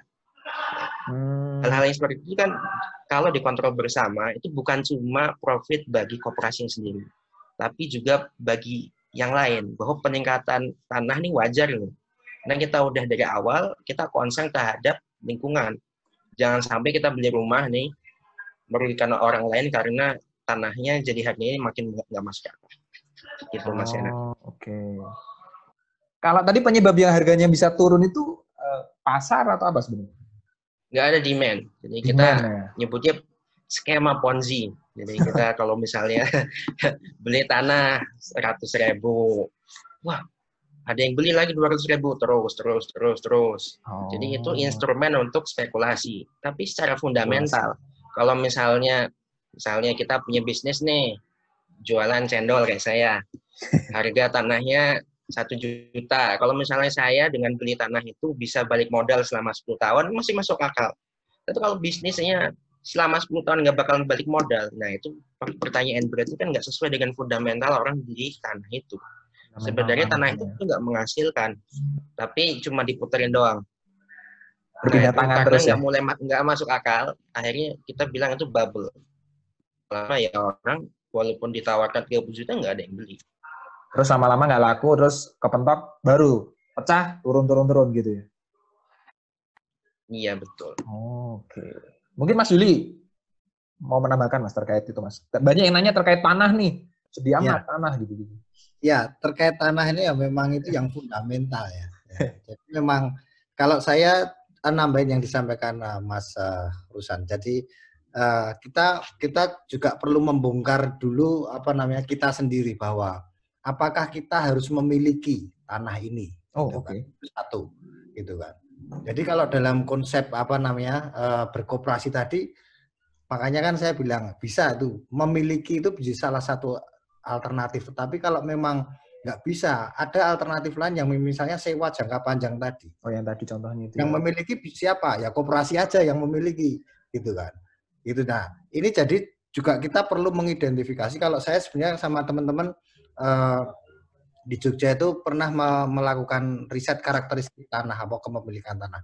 Di Jogja banyak sekali tanah yang dimiliki sultan gitu kan. Sultan Crown. Oh, ya. Sultan Crown. Jadi kenapa kemudian investor itu banyak sekali suka apa namanya eh, berinvestasi di Jogja karena mereka nggak perlu investasi untuk beli tanah cukup nyewa tanah sultan gitu kan oh iya, bisa iya, iya. dibayangkan gitu kan kalau kita beli tanah di Jogja mungkin satu meter bisa dua juta kalau sewa tanah yang misalnya tanah Sultan Ground yang di, dikelola oleh desa itu sifatnya adalah uh, eh, TKD tanah kas desa itu lima ribu meter itu 5.000 semeter setahun.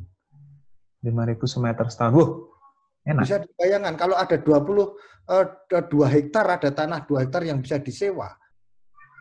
Berapa duit yang Oh. dikeluarkan kita untuk me, apa namanya eh, me- eh, menempati tanah itu? Sedikit sekali. Kemudian kita, kalau kita punya budget terbatas, duitnya bisa dipakai untuk beli apa langsung bikin apa fisiknya. Iya, iya betul. Sementara TKD yang disewa atau Sultan Ground yang disewa itu bisa jangka panjang 20 tahun, bisa diperpanjang 20 tahun lagi, dua itu sudah sama saja Oh. memiliki itu. Dan itu dilindungi oleh negara. Betul, Gitu. betul. Ada Nah, legalitasnya ini, ya. ini contoh menarik yang ketika teman-teman di Oh. Thailand yang juga melakukan hal yang sama, tapi di bawah yang namanya lembaganya namanya KODI, Community Development and uh, uh, Community Organization and Development Institute. Ini adalah semacam uh, lembaga yang dibentuk oleh Kementerian Sosial yang un- yang untuk mewadahi uh, uh, penyediaan perumahan, tetapi yang perumahan sosial, bukan perumahan yang formal. Jadi Oke. kalau ada di sini ada apa namanya eh, HOA namanya Housing eh, eh, Authority itu kan itu di sini ada kodi yang Housing Authority itu untuk perumahan formal mewadahi pengembang kayak eh, Perumnas. Nah kodi ini Perumnas. yang masyarakat menengah ke bawah. Tetapi kodi ini nggak pernah beli tanah. Gitu. Oh. Tetapi mereka kemudian warga yang tadi yang disampaikan Mas Rusan tentang koperasi, komunitas diminta mengorganisir dirinya, membuat koperasi, kemudian si Kodi ini mencarikan hub-hub tanah-tanah yang dimiliki oleh BUMN, oleh apa namanya kerajaan, Hmm. oleh Kementerian Keuangan dan oleh BUMN BUMN. Itu tanahnya banyak sekali, nganggur di kota-kota Anggur ya, iya. yang dikerjasamakan, kodi yang memfasilitasi. Kalau ada warga yang eh, mau dipindahkan atau mau memperbaiki kualitas lingkungan, diajak nyari tanah-tanah itu kemudian yang memfasilitasi proses MOU-nya adalah kodi. Ini terjadi masif di 200 lebih dari 250 kota dan itu yang menjadi eh, model sekarang ya. Mungkin itu menjadi model eh, co-op housing yang paling mutakhir di Asia karena menjadi rujukan apa namanya eh, teman-teman eh, apa namanya seluruh dunia tentang eh, koperasi perumahan Thailand ya Pak ya tadi ya? di Thailand, iya di Thailand. Nah itu Kodi ini itu sebenarnya juga dikembangkan dari mereka dulu eh, Ibu Somsuk yang menginisiasi kodi itu eh, sebenarnya juga belajar dari Indonesia yang dulunya eh, di Indonesia ada MHT Muhammad Husni Tam- Tamrin Program, ada eh, KIP program itu dimutakhirkan. Kemudian terbentuk kodi itu yang itu kemudian memfasilitasi perumahan sosial, perumahan swadaya yang itu nggak bisa dipakai secara eh, apa namanya formal tadi pendekatannya. Karena masyarakatnya kalau dipaksa untuk membeli tanah yang kelas menengah ke bawah ini nggak sanggup. Jadi kerjasamanya adalah yang penting dapat rumah jangka panjang terjamin urusan tanah ini kita sewa saja, gitu. Nah, ini model-model ini yang sedang saya kembangkan dengan teman-teman di Jogja. Bagaimana kemudian kita bisa kemudian dikatakan merebut ya, merebut tanah-tanah apa namanya sultan atau tanah-tanah keraton yang memang itu sebenarnya bisa dimanfaatkan untuk kepentingan kesejahteraan masyarakat. Saya pikir ini yang menarik dan eh, itu tadi artinya ini membongkar cara berpikir kita nggak harus loh kita itu punya tanah. Gitu. Iya, iya tadi harus kan memiliki. Eh, kita tuh eh, bisa yang penting kita punya tempat tinggal yang layak. Nah, konsep kepemilikan itu bisa kolektif, bisa kita sewa, Kolektif. tetapi sewanya ke koperasi kita sendiri gitu kan. Nah, itu Oke, yang sebenarnya eh, eh, eh, terobosan yang sebenarnya sudah dilakukan di banyak negara gitu loh. Tetapi kita yang ketinggalan ini, ketinggalan kereta api ini kita gitu. Tapi sebenarnya praktek-praktek yang tadi yang sebenarnya disampaikan Mas Rusan tadi itu udah mungkin udah lama sekali gitu dan itu negara-negara yang sebenarnya nggak punya eh, apa namanya karakteristik Aktivitas tadi ya. gitu loh individualis tapi kok bisa bikin co-op gitu kita negara yang eh, basis gotong royongnya kuat tetapi malah sekarang nggak bisa bikin co-op kan ini aneh sekali kebalik-balik malah. Kembali-balik.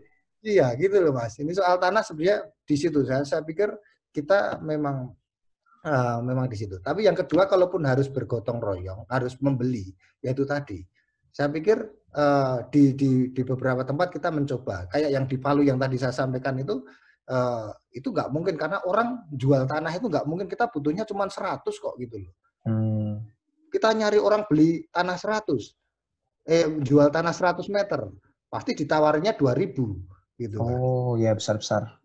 Nah, terus gimana? Masa saya nempel atau istilahnya apa ya?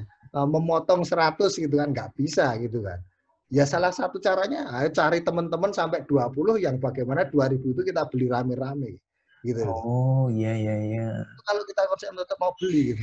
Nah ini yang kalaupun itu tadi itu pilihan. Jadi kita mau uh, kooperasinya yang beli kita sewa atau kita beli rame-rame. Kalau kita kemudian itu membuat uh, manajemen sendiri yang tadi manajemen kolektif kooperasi yang untuk bagaimana kita mengaturnya. Saya pikir di situ sebenarnya ini praktek-praktek yang sedang kita lakukan untuk membongkar sebenarnya sistem yang sebenarnya memang cukup memberatkan gini kelompok homeless ini untuk men mendapatkan tanah gitu. Iya.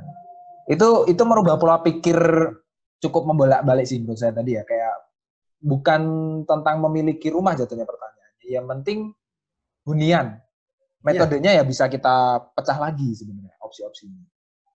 Oke, ini Mas Bimo ada ada yang angkat tangan Mas Bimo. Silakan Mas Bimo. Halo. Saya lanjut ke Terima kasih Mas Ena. Yuk. Terima kasih Mas Rausan dan Mas Yuli presentasinya. Saya sudah merhatikan kedua Mas ini dari lumayan lama. Saya soalnya juga ada proyek untuk bikin rumah sendiri. Karena saya nggak mampu beli rumah dari orang lain. Sampai gobles kita atas. Gitu. Saya benar. Kau miskin perkotaan bersatu. iya, jadi Uh, tapi ya lagi-lagi rencana saya ini terhambat ke akses akses ke tanahnya gitu. Selalu di situ untuk pembelian tanah untuk yang masih terjangkau dengan aktivitas saya sehari-hari gitu, yang tidak terlalu rural atau tidak terlalu harus mengubah gaya hidup saya yang akhirnya harus malah jadi ya dead trap lah. Jadi akhirnya saya nggak bisa produktif, terus akhirnya saya juga jadi kehilangan pendapatan. Ujungnya di tempat yang sudah saya turunkan nilai uh, belinya, saya juga tetap tidak mampu membelinya lagi karena saya tidak mampu bekerja di situ seperti itu. Nah, di satu sisi kan tadi kalau Mas Yuli mengatakan menurut saya jadi penting yang saya langsung kasih tahu istri saya tentang modal sosial itu ya. Jarang sekali ada penghargaan ke apa ya kayak semacam modal-modal intangible salah satu modal sosial yang ternyata juga bisa diturunkan ke anak dan itu juga lebih penting ternyata daripada uh, warisan berupa uh, apa ya tanah yang ujungnya nanti dijual lagi atau ternyata nggak mau ditinggalin sama anaknya. Ternyata sih modal sosial berupa gotong royong ini malah jadi punya anak memiliki keterkaitan atau punya uh, keluarga kita memiliki keterkaitan dengan uh, ruang hidup kita gitu. Tapi di satu sisi mas uh, dari pengalaman hidup saya, saya juga punya keluarga yang rumahnya akhirnya sekarang tidak anak tidak ada anak-anaknya yang menempati gitu Terus kalau dari uh, istri saya sendiri di mertua saya, mereka dulu tinggal di perumahan sejak tahun 90-an dan perumahannya itu dijual ke uh, dari perumahannya itu dijual ke pemerintah. Saya nggak tahu ada skema itu bisa atau enggak ya. Nah, yang saya pahami gitu ya, di satu sisi orang-orang yang mencoba mengkomoditaskan tanah gitu, mengkomodifikasi akses ke rumah tinggal, ini melakukan segala cara gitu baik dimulai dari bergotong royong untuk membeli tanahnya dan menjualnya tadi kata Mas Rausan dua setengah kali lipat atau bahkan ke setelahnya itu mereka lebih jenius lagi mereka menjual ke si yang memiliki otoritas itu sendiri gitu otoritas tanah di awalnya yaitu pemerintah gitu nah yang pengen saya tanyakan apakah dari yang Mas Ibi lakukan selama ini dari perumahan-perumahan komunitas kan dicobanya advokasi ya Mas ya uh, apa untuk akses ke tanahnya ini. Itu advokasi maksudnya gimana sih Mas? Selain tadi yang kan yang tertinggi yang paling purna mungkin milik gitu ya. Uh, patungan terus memiliki bersama terus dibagi. Yang keduanya sewa tanah. Terus yang ketiganya kan tadi ada bentuk advokasi. Itu advokasi itu caranya gimana? Terus apakah pernah uh, tanah dari advokasi tersebut divaluasi kembali untuk ditangani lagi oleh pemerintah gitu. Jadi saya lagi mencoba belajar untuk menganggap ada ada pemerintah dan saya mau belajar kepada orang yang sudah sering menganggap ada pemerintah gitu. Saya mungkin di bagian situnya yang pengen saya uh, pelajari lebih lanjut gitu. Makasih. Siap. Makasih Mas Bimo untuk pertanyaannya. Lanjut ke berarti langsung ke Mas Yuli dulu, Mas. Ya, uh, yang di Solo itu sebenarnya uh, menarik. Jadi awalnya pemerintah berpikirnya itu uh, apa namanya yang warga di pinggir uh, sungai di bantaran sungai itu udah dipindahkan aja ke rumah susun karena ada rumah susun yang kosong gitu kan mindahin orang kayak mindahin barang gitu kan. Awalnya seperti itu. Karena nggak ada insight ke pemerintah dari teman-teman di luar, terutama misalnya kayak pegiat koperasi gitu yang kemudian memberikan masukan-masukan. Ini yang saya maksud eh, sekarang pemerintah itu saya pikir sudah sangat terbuka meskipun kadang-kadang rada budek juga gitu. Tetapi menurut saya eh, eh, mereka sudah lebih terbuka dari zaman mungkin 10 tahun yang lalu lah gitu untuk menerima ide-ide eh, kreatif gitu. Nah itu jadi eh, yang penting kita bisa ide itu bisa kita sampaikan secara sederhana dan ini mungkin dilakukan. Nggak bikin mereka berpikir repot gitu loh. Ini gimana sih ini ngelakuinnya gitu. Mereka udah pusing gitu. Tapi kalau kita hanya konseptual, saya pikir akan ditinggalkan oleh pemerintah. Tetapi kalau kita bisa memberikan gagasan yang konkret dan ini mudah dilakukan, itu akan dilakukan. Nah itu contoh di Solo, gitu kan. Jadi awalnya kayak gitu pemerintah berpikirnya memindahkan orang gampang sekali, tetapi warganya nggak mau, gitu. Nah kemudian kita cari alternatif, apakah ada tanah pemerintah, istilahnya HP, hak pakainya pemerintah, jadi tanah negara yang di HP kan oleh pemerintah. Nah di Solo itu banyak sekali. Bahkan akhirnya saya dan teman-teman melakukan identifikasi tanah HP di pemerintah. Satu kecamatan itu ada yang sampai jumlahnya 288 titik. Dan pemerintah sendiri nggak tahu malah itu tanah ya. Oh, saya punya tanah 288 titik tuh mas ternyata. Oh, baru tahu. Ini kan gila gitu loh punya tanah tetapi nggak tahu tanahnya ada yang kemudian jadi uh, ya itulah pokoknya beda peruntukan. Nah ini kan tanah-tanah ini sebenarnya kan aset. Sorry mas, HP itu apa ya HP? Hak pakai, HP hak pakai. Jadi tanah HP-nya pemerintah, ada HP 1, HP 2 dan seterusnya. Itu banyak sekali. Gitu. Jadi awalnya tanah negara kemudian uh, oleh BPN di hak pakaikan ke pemerintah. Jadi itu artinya asetnya pemerintah. Nah, itu kita yang kemudian coba nego ke pemerintah untuk mungkin nggak tanah-tanah HP ini kita gunakan untuk memindahkan orang, memindahkan warga yang di pinggir kali tadi. Nah, di situ proses advokasinya yang awalnya uh, pemerintah nggak berpikir gitu. Eh, mungkin apa? Bisa atau enggak? Nah, itu kan kemudian kan di sini kan kemudian ada proses-proses tadi bagaimana memikirkan itu, kebutuhannya berapa. Kalau lahannya mungkin sempit, apakah mungkin ini kemudian ditumpuk tadi? Kalau karena landed nggak mungkin gitu kan. Nah, proses-proses ini adalah proses apa namanya uh, sharing knowledge dari kita ke masyarakat yang tadinya mereka merasa nggak bisa melakukan proses perencanaan, proses desain, mereka, oh ternyata aku bisa toh merencanakan ini. Nah itu yang kemudian dibawa ke pemerintah, disampaikan ini warganya maunya seperti ini, konkret dan seterusnya. Nah itu yang akhirnya jadi kan. Itu apa apa artinya warganya juga nyewa ke pemerintah Betul. satu bulan seratus ribu itu tetapi kan sampai jangka panjang gitu kan daripada kemudian pindah jauh, uangnya transportnya banyak untuk wirawiri, lebih baik mereka rumahnya lebih kecil tetapi mereka bisa apa namanya sustain gitu kan, nggak berpikir lagi uh, rasa was-was tentang rumahnya itu udah nggak ada lah paling tidak untuk jangka panjang. Nah mereka kemudian dari proses itu kan bisa berpikir untuk menyekolahkan anaknya yang baik dan pasti anaknya nanti akan harapannya akan lebih baik kan gitu, nggak nggak berpikir untuk tetap di situ. Bang tadi kan Mas Bimo bilang orang tuanya punya ya saya juga kayak gitu ya orang tua saya berpikir wah beli tanah ini. Oh nyatanya anaknya kan udah beda zaman gitu kan. Pikirannya udah beda-beda gitu kan. Nggak mungkin semuanya kan di situ terus gitu bikin klan kayak gitu kan. Ini zamannya udah beda dan mungkin satu generasi ini besok juga akan beda lagi gitu tetapi prinsipnya sekarang kita bisa menyiapkan generasi berikutnya ini untuk uh, lebih maju lah gitu berpikirnya Nah, di situ sebenarnya peran kita untuk mewujudkan itu tadi. Tetapi paling tidak yang saya garis bawahi, bagaimana proses advokasi itu dilakukan. Jadi menghubungkan, karena memang kebijakan itu sebenarnya ada, tetapi enggak detail gitu loh. Nah, supaya bisa detail, ini harus ada insight, apa namanya, kita yang dari luar untuk memberikan alternatif-alternatif pilihan. Gitu. Saya pikir di situ, Mas Bimo. Terima kasih Mas Yuli. Mungkin dari Mas Bimo dulu nanggepin, habis itu ke Mas Rausan kalau ada yang mau ditanggapi Mas Bimo.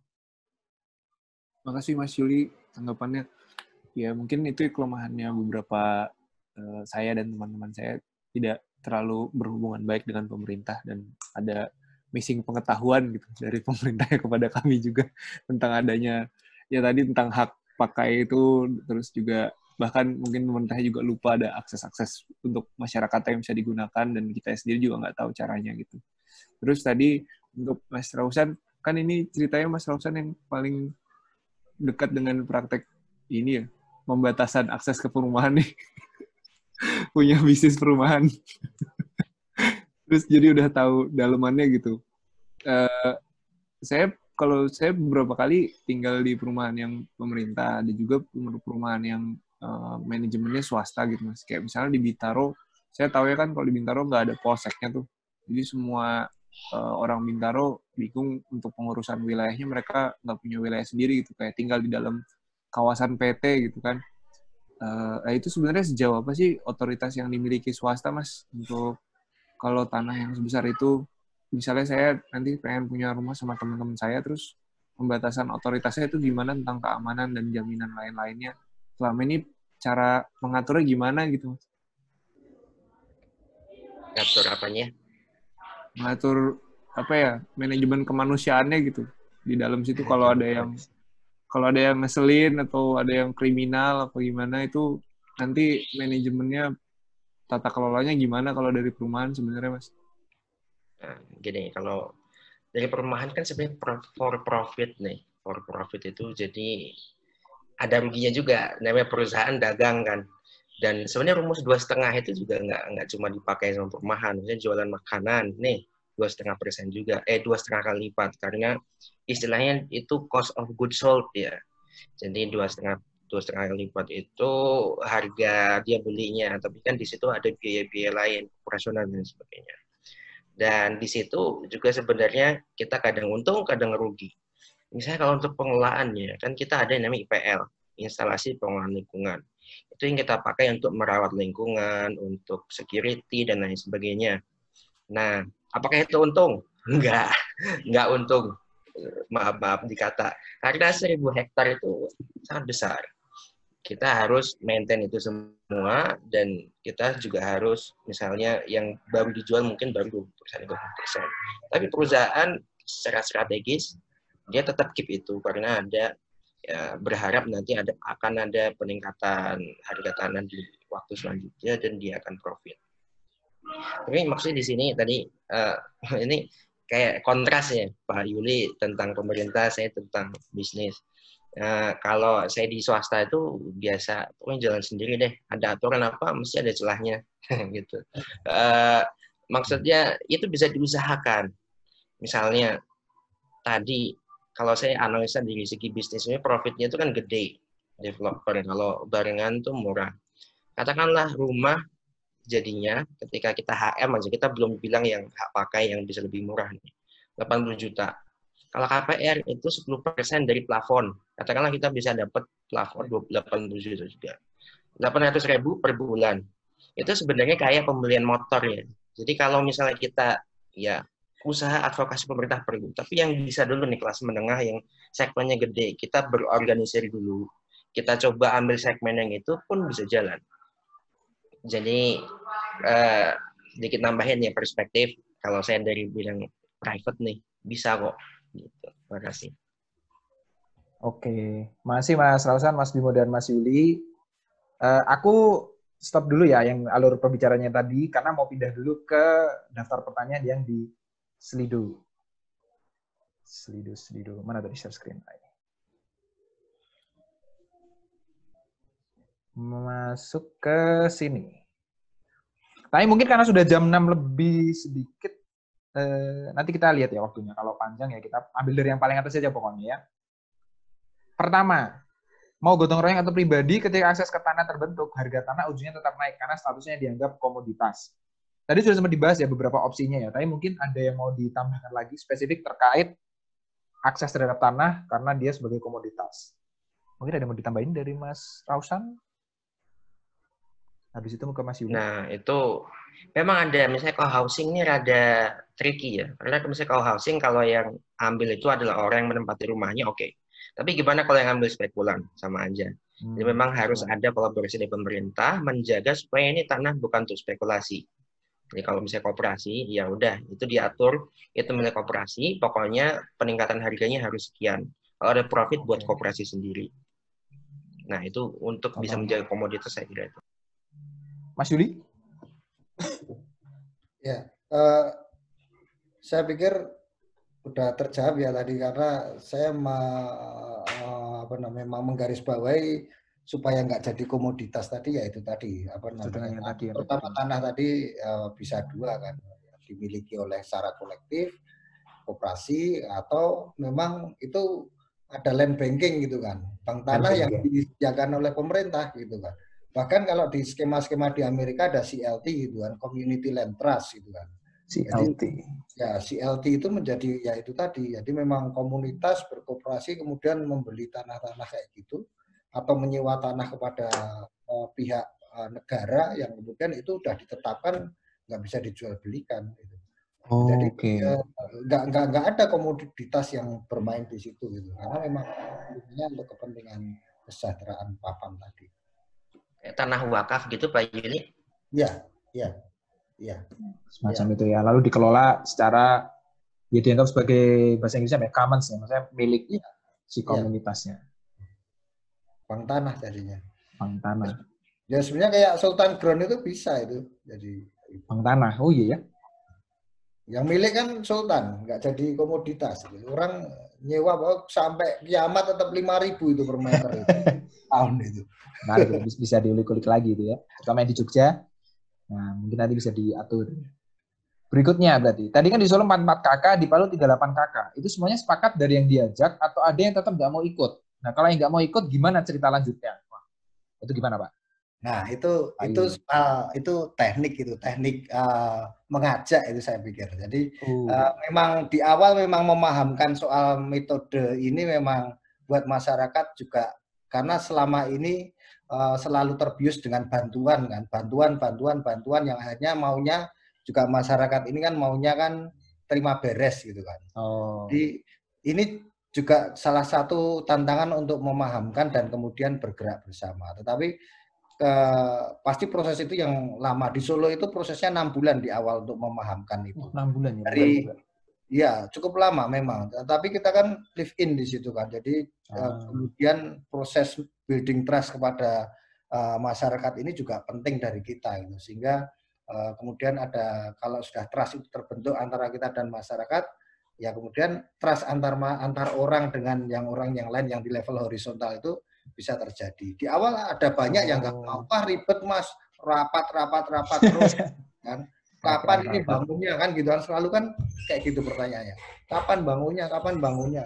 Nah dari situ yang kemudian uh, mereka yang sudah paham kemudian memahamkan kepada teman-temannya tetangga-tetangganya ini ya saya pikir itu butuh proses. Tetapi faktanya di Solo semuanya akhirnya ikut bahkan ini kemudian menjadi model di tempat-tempat lain kemudian menjadi uh, bergulir bahkan tahun depan proses ini berkembang menjadi ada dua lokasi yang akan dilakukan bersama-sama itu kalau nggak salah 650 unit itu di tanah HP 16 dan tanah negara yang ada di bantaran uh, uh, Bengawan Solo yang diminta oleh Pak Wali jadi tanah HP. Awalnya uh, TN, TNB itu tanah negara bebas yang kemudian diminta udah kalau uh, balai besar sungai nggak mampu me mengurusi tanahnya HP-kan aja saya kelola saya pakai untuk rakyat saya Pak Wali bilang gitu. Oh. Menarik sekali itu. Jadi yang HP 16 itu sekitar 560 KK itu akan kemudian oh, ditata ulang. Ini tahun tahun depan mulai ini. Nah, itu yang di Solo. Jadi proses yang darinya 44 KK di awal tahun 2015 itu jalan terus ini sekarang. Nah, di Palu juga hmm. kayak gitu. Prosesnya meyakinkan enam bulan, sekitar 3 sampai enam bulan dan uh, uh, kita uh, ya karena memang rumah ini menjadi kebutuhan dasar ya sehingga uh, ketika kemudian ada model ya udah sekarang bahkan sepalu pemerintah kemudian mereplikasi gitu kan. Kemudian yang skema uh, relokasi kelompok ini sekarang menjadi uh, PUPR menurunkan tim untuk kemudian uh, apa mereplikasi proses yang di kita. Ya tapi memang betul tantangannya adalah pasti di awal ada yang nggak mau ikut karena maunya apa namanya terima beres kan gitu kan. Ya. Gitu. Tapi ini uh, step by step lah. Saya pikir ini memang tantangan teknik teknik apa namanya mendampingi saja gitu. Teknik mendampingi. Baik. Tapi keren banget Mas bisa maksudnya dengan apa ya success story ini tuh dilirik terus bisa direplikasi dengan yang skalanya lebih besar lagi bahkan. Ya, itu itu makanya kan pemerintah tadi artinya kan ini soal political will di pemerintah ah, juga. Okay. Jadi Ya, kalau nggak ada political will, ya susah. Di Jogja saya juga berkali-kali ngomong sama wali kota, wali kotanya nggak ada political will, ya nggak bisa. Gitu. nggak maju, Nah, gitu. nggak jalan. Oke. Nah, nunggu wali kotanya ganti dulu kalau di Jogja. Siap, mantap. Oke, ini masih ada sedikit lagi ya. Eh, Di antara yang centang satu, saya akan pilih ya salah satu. Bentar. Hmm, Lebih ke yang mekanisme pen- pendanaan dulu deh ya. Pilihannya dapat apa saja ketika tidak memiliki agunan. Karena ini saya pengen kembali kepada eh, metode yang lebih mungkin dilakukan oleh para orang-orang yang belum punya rumah, baik menengah ke bawah maupun milenial. Kalau mekanisme pendanaan sendiri, pilihannya apa ketika tidak memiliki agunan? Apakah ada atau Mas Rausan mungkin? Kalau ya kalau KPR sih nggak pakai agunan ya. KPR Oh, itu ya. yang dijaminkan adalah tanahnya. Dan pun kalau misalnya tadi skema co-housing ya, dia kan dia beli itu belinya tanah, tapi udah bisa langsung KPR. Jadi dia cuma cicilannya ke DP. Nah itu pun juga udah bisa. Dan itu kan tinggal gimana kita eh, dealing ke bank aja. Masalah DP-nya berapa persen dan sebagainya. Dan lucunya nih, yang untuk saya yang tadi bilang contoh di Solo, dia harga tanah eh, jual rumah 200 juta. Itu dia DP-nya 80 juta, dia udah bisa bangun rumah. Jadi karena HPP-nya kan cuma 2 juta kali 30 60 juta, 80 Iya. juta udah bisa. Jadi sebenarnya bisa dengan kredit kepemilikan rumah. Oh ya ini KPR ini mungkin penanyanya perlu mencari tahu lebih lanjut ya. Memang tidak perlu agunan di awal karena memang tadi mekanismenya di tanahnya tadi ya pas dibeli. Kita lanjut ke ah, berarti saya nggak bisa yang centang satu dulu deh. Oh sorry ini aku juga ada yang tadi menarik tapi takut kelewat. Mas Yuli tadi masih yang bahan bacaan yang 75 itu apa ya? Eh, eh, ejaannya tadi dengar tapi takut salah. Pruit ego gitu. PRU IT IGGO kalau nggak- Pruit Ego. ya, Ini saya ketik kayak gini bener nggak? iya. Pruit ego ya. Pruit Ego, oke. Saya, saya tuh juga penasaran, takut kelupaan ngomong ada. Itu ada bahkan ada filmnya Mas. Nanti saya share itu bagaimana proses membangun sampai apa namanya eh, dirobohkan kembali ada eh, cerita-cerita mengerikan di balik perobohan 36 tower di Fruit Ego itu nanti saya share Mas Ah, eh, boleh mas. filmnya itu. Oh, IGOE ya Pak ya? Oh Ego ya. Pruit ya, IGOE. Ini saya namanya Pruit Igoe. Ego. Benar. PRUITT Igoe. Ini Wih. saya ketik sekalian. Oh, itu cukup legend ya ternyata. Iya. Nah, ini Mas Rausan. Nah, itu yang benar ya Mas Rausan share ya. Monggo yang lain kalau mau di googling-googling. Oke. Mekanisme mengang- eh, dari atas lagi tuh ya. Tinggal tiga ya, berarti belum nggak nambah lagi. Kita lanjutkan aja sampai beres. Terkait reorientasi demand driven menjadi supply driven ke pemerintah. Kaitannya dengan wata rezim saat ini. Kalau saya sih ngeliatnya Mas Yuli tadi sudah cukup menjawab Ya. ini ya Mas. Ya. Memang diberikan contoh yang jalan dan ya dipahamkan. Kalau yang saya tangkap sih itu. Berikutnya, bagaimana umumnya model penyediaan lahan yang dipakai buat bikin rumah per komunitas tadi? Bagaimana cara mendapatkan lahan milik kota dengan model hak pakai? Mungkin ini lebih ke teknisnya kali ya Mas ya. Tadi kan seperti diceritakan, saya baru tahu tuh. Tapi kalau alurnya sendiri berarti seperti Ya. apakah? Kalau yang kita lakukan pasti kan kita akan mengorganisir masyarakatnya dulu. Jadi ketahuan dulu ini target grupnya ini siapa, berapa orang yang akan apa namanya eh, mencari tanah ini. Nah itu yang kemudian dicari, gitu. Artinya harus eh, dipertemukan. Jadi yang dari bawah ini di data, makanya saya tadi kan mengatakan ada proses pemetaan partisipatif. Pemetaan itu pemetaan kebutuhan sebenarnya. Pemetaan kebutuhan masalah. Nah kemudian ini dipertemukan dengan yang tadi eh, lahannya ada di mana mau beli, kalau beli mencari lahan, nanti membentuk tim eh, pencarian lahan.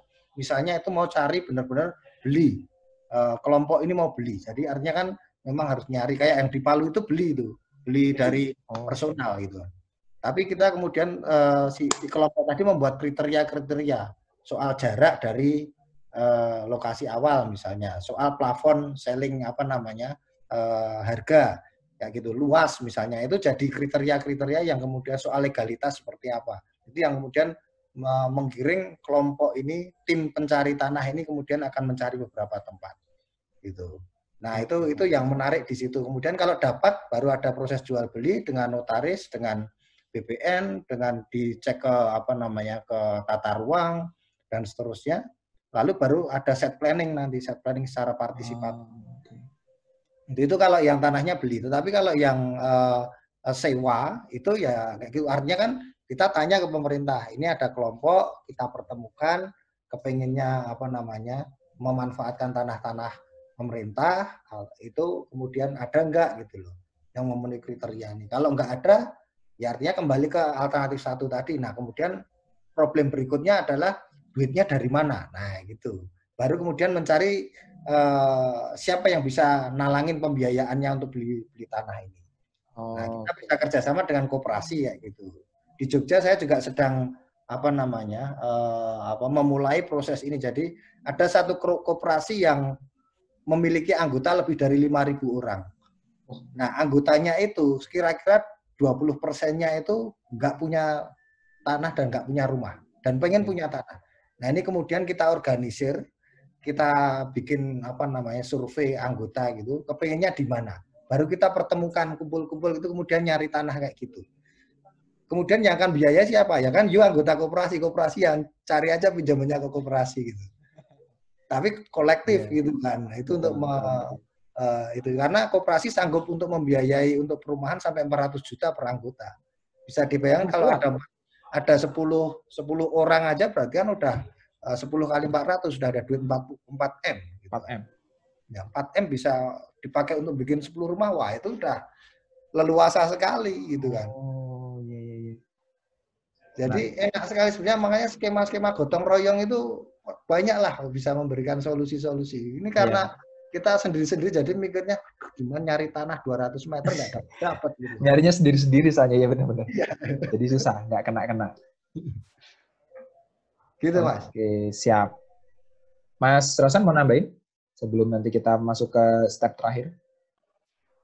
Uh, tadi tentang eh, kepikiran tentang gotong royong. Sebenarnya yang bisa kita ambil juga tentang skema gotong royong yang melibatkan swasta itu adalah tentang manajemen apartemen. Jadi manajemen apartemen itu nanti ketika apartemen sudah selesai nih, itu akan dikasihkan pengeluarannya ke warga. Dengan skema misalnya warga memiliki 60%, terus developer berapa persen. Nah, skema gotong royong itu telah terjadi kalau alasan bisnisnya adalah perusahaan nggak bisa meng menghandle itu sendiri dan mungkin karena profitnya kecil. Nah, itu juga skema gotong royong juga bisa ternyata udah ada di bisnis karena itu adalah yang paling logis untuk menekan biaya. Gitu. Oke. Siap. Terima kasih Mas uh, Rausan. Ini kita masuk ke tahap akhir ya buat proses closing. Jadi sebelum masuk ke pertanyaan eh, pesan-pesan terakhir dari para pemantik, eh, ada pesan-pesan sponsor ya dari kaminya sendiri Gapatma. Jadi ceritanya begini. Eh, Gapatma ini kan memang tadi saya sempat cerita ya di awal ya, buat yang belum datang, Gapatma ini intinya adalah kita ya koperasi yang bentuknya media. Koperasi yang bentuknya media, kebalik, media yang bentuknya koperasi yang kita pengen meliput lebih dalam tentang dunia uh, demokrasi ekonomi dan kooperasi. Makanya kita bikin rangkaian diskusi, kita cari materi yang bagus di luar negeri, kita translate dan segala macam. Nah, tapi ini kan masih sampai sekarang kita masih voluntary ya. Semuanya gratis, open kayak ya nggak ada revenue atau apa pun sama sekali. Tapi karena kita pengen menjadi kooperasi yang berkelanjutan jangka panjang, kita perlu ada coba skema revenue. Nah, ini yang kita lagi coba eh, lakukan. Ini langkah pertama kita buat coba nyusun revenue kita bikin kaos atau merchandise gitu. Ya mumpung kita ada rangkaian acara yang cukup banyak di dua hari ini. Ini tidak wajib, eh, bebas. Kalau yang teman-teman yang bersedia silakan dipesan. Kalau nggak juga nggak apa-apa. Harganya 90.000. Nanti detailnya ada di link yang aku kasih ya. Ini aku share deh ke chat. Dan ini ya lebih ke usaha dari kami untuk siapa tahu ini bisa lebih sustain dan lebih sering untuk membangun ya maksudnya bisa me, memberikan apa ya ya kompensasi atau balas budi lah minimal kepada orang-orang yang sudah membantu si Gapatma kayak dari kami sendiri yang bikin acara, dari yang bikin poster, eh, pemantik yang ikut diundang atau teman-teman yang hadir. Jadi supaya ke depannya lebih proper. Linknya sudah saya taruh di chat. Silakan kalau mau dibuka-buka dahulu. Terus tadi saya barusan share juga link IG-nya Arkom Indonesia. Mungkin Mas Yuli sama Mas Rausan kalau mau share mungkin nomor HP enggak ya lebih ke email misalnya atau IG misalnya kalau mau ditaruh di chat supaya yang lain siapa tahu kalau mau nanya-nanya lagi atau mencari tahu lebih lanjut kalau mau kepo-kepo lah istilahnya. Uh, itu silakan misalnya kalau mau diketik atau uh, ditaruh linknya. Sambil itu kita masuk ke penutup dari Mas Rausan dulu. Mungkin ada pesan info-info terakhir untuk para pendengar. Ya, uh, kalau ini kan butuh istilahnya teman-teman bersama kita sumbang si idenya itu perlu. Dan tadi saya kira menyambung Mas Hena, joinlah itu Demako di, di mana tempat itu platform yang paling oke okay untuk sesama pegiat kooperasi untuk mewujudkan usaha-usaha gotong royong. Karena platform untuk kolaborasi itu udah banyak. Kita misalnya bisa pakai chatting tadi, Trello untuk uh, keep up project kita bersama. Transparansi kolaborasi itu sekarang jadi lebih mudah. Jadi yuk bareng-bareng manfaatkan terutama medsos nih untuk hal-hal yang sangat produktif. Terima kasih. Terima kasih Mas Rausan apalagi shout out tentang Gapatma ya. Terima kasih sekali. Aku naruh Instagram ini Gapatma. Sambil itu Mas Yuli, monggo Mas. Uh, ya. Pesan-pesan uh, kalau saya sih tetap uh, selalu pengen ngajak teman-teman lah gitu loh, supaya kita ber apa namanya berkooperasi ya berkooperasi dalam arti sesungguhnya ya bukan arti ayo mendirikan kooperasi oh tiga orang bisa bikin kooperasi bisa bikin, bukan itu bukan soal formalitasnya tetapi soal spirit apa Muhammad Hatta ini loh. Ayo kita sebagai anak-anak muda yang memang sebagai penerusnya di uh, 73 tahun Hari Koperasi ini saya pikir kita perlu bikin gebrakan lah itu. So, apalagi ini kita ngomong soal papan ini memang menjadi tantangan besar kita mewujudkan. Jadi tanpa kita bergotong royong ya mustahil lah kita akan berwacana terus saya pikir itu sudah saatnya lah gitu kita uh, ber apa bergotong royong untuk mewujudkan papan ini kita tunjukkan lah gitu Gitu. Terima kasih Mas. Spiritnya ya. Makasih banyak Mas Yuli. Sekali lagi terima kasih buat teman-teman yang sudah join, sudah berikan pertanyaan, sudah berinteraksi, dan terkhusus Mas Yuli dan Mas Rausan atas semua ilmu-ilmunya yang dibagikan. Sampai jumpa lagi di kesempatan berikutnya. Semoga lancar dan ya kita bisa bertemu lagi di kesempatan yang lain dengan bergotong royong untuk membangun ya hunian-hunian yang layak tapi terjangkau. Terima kasih. Monggo kalau pada mau duluan, ini saya masih standby dulu di sini karena siapa tahu ada yang mau lihat-lihat chat, ngambil linknya dulu. Jadi saya standby di sini dulu. Kalau Mas Juli, Mas Rausan mau uh, mendahului, uh, monggo. Yang teman-teman yang lain juga kalau mau live. Mas Sena, sampai ketemu lagi teman-teman semuanya. Ya. Uh, Makasih Mas Juli, ya. teman-teman semua. Hmm. Mas Sena. Masih banyak semuanya.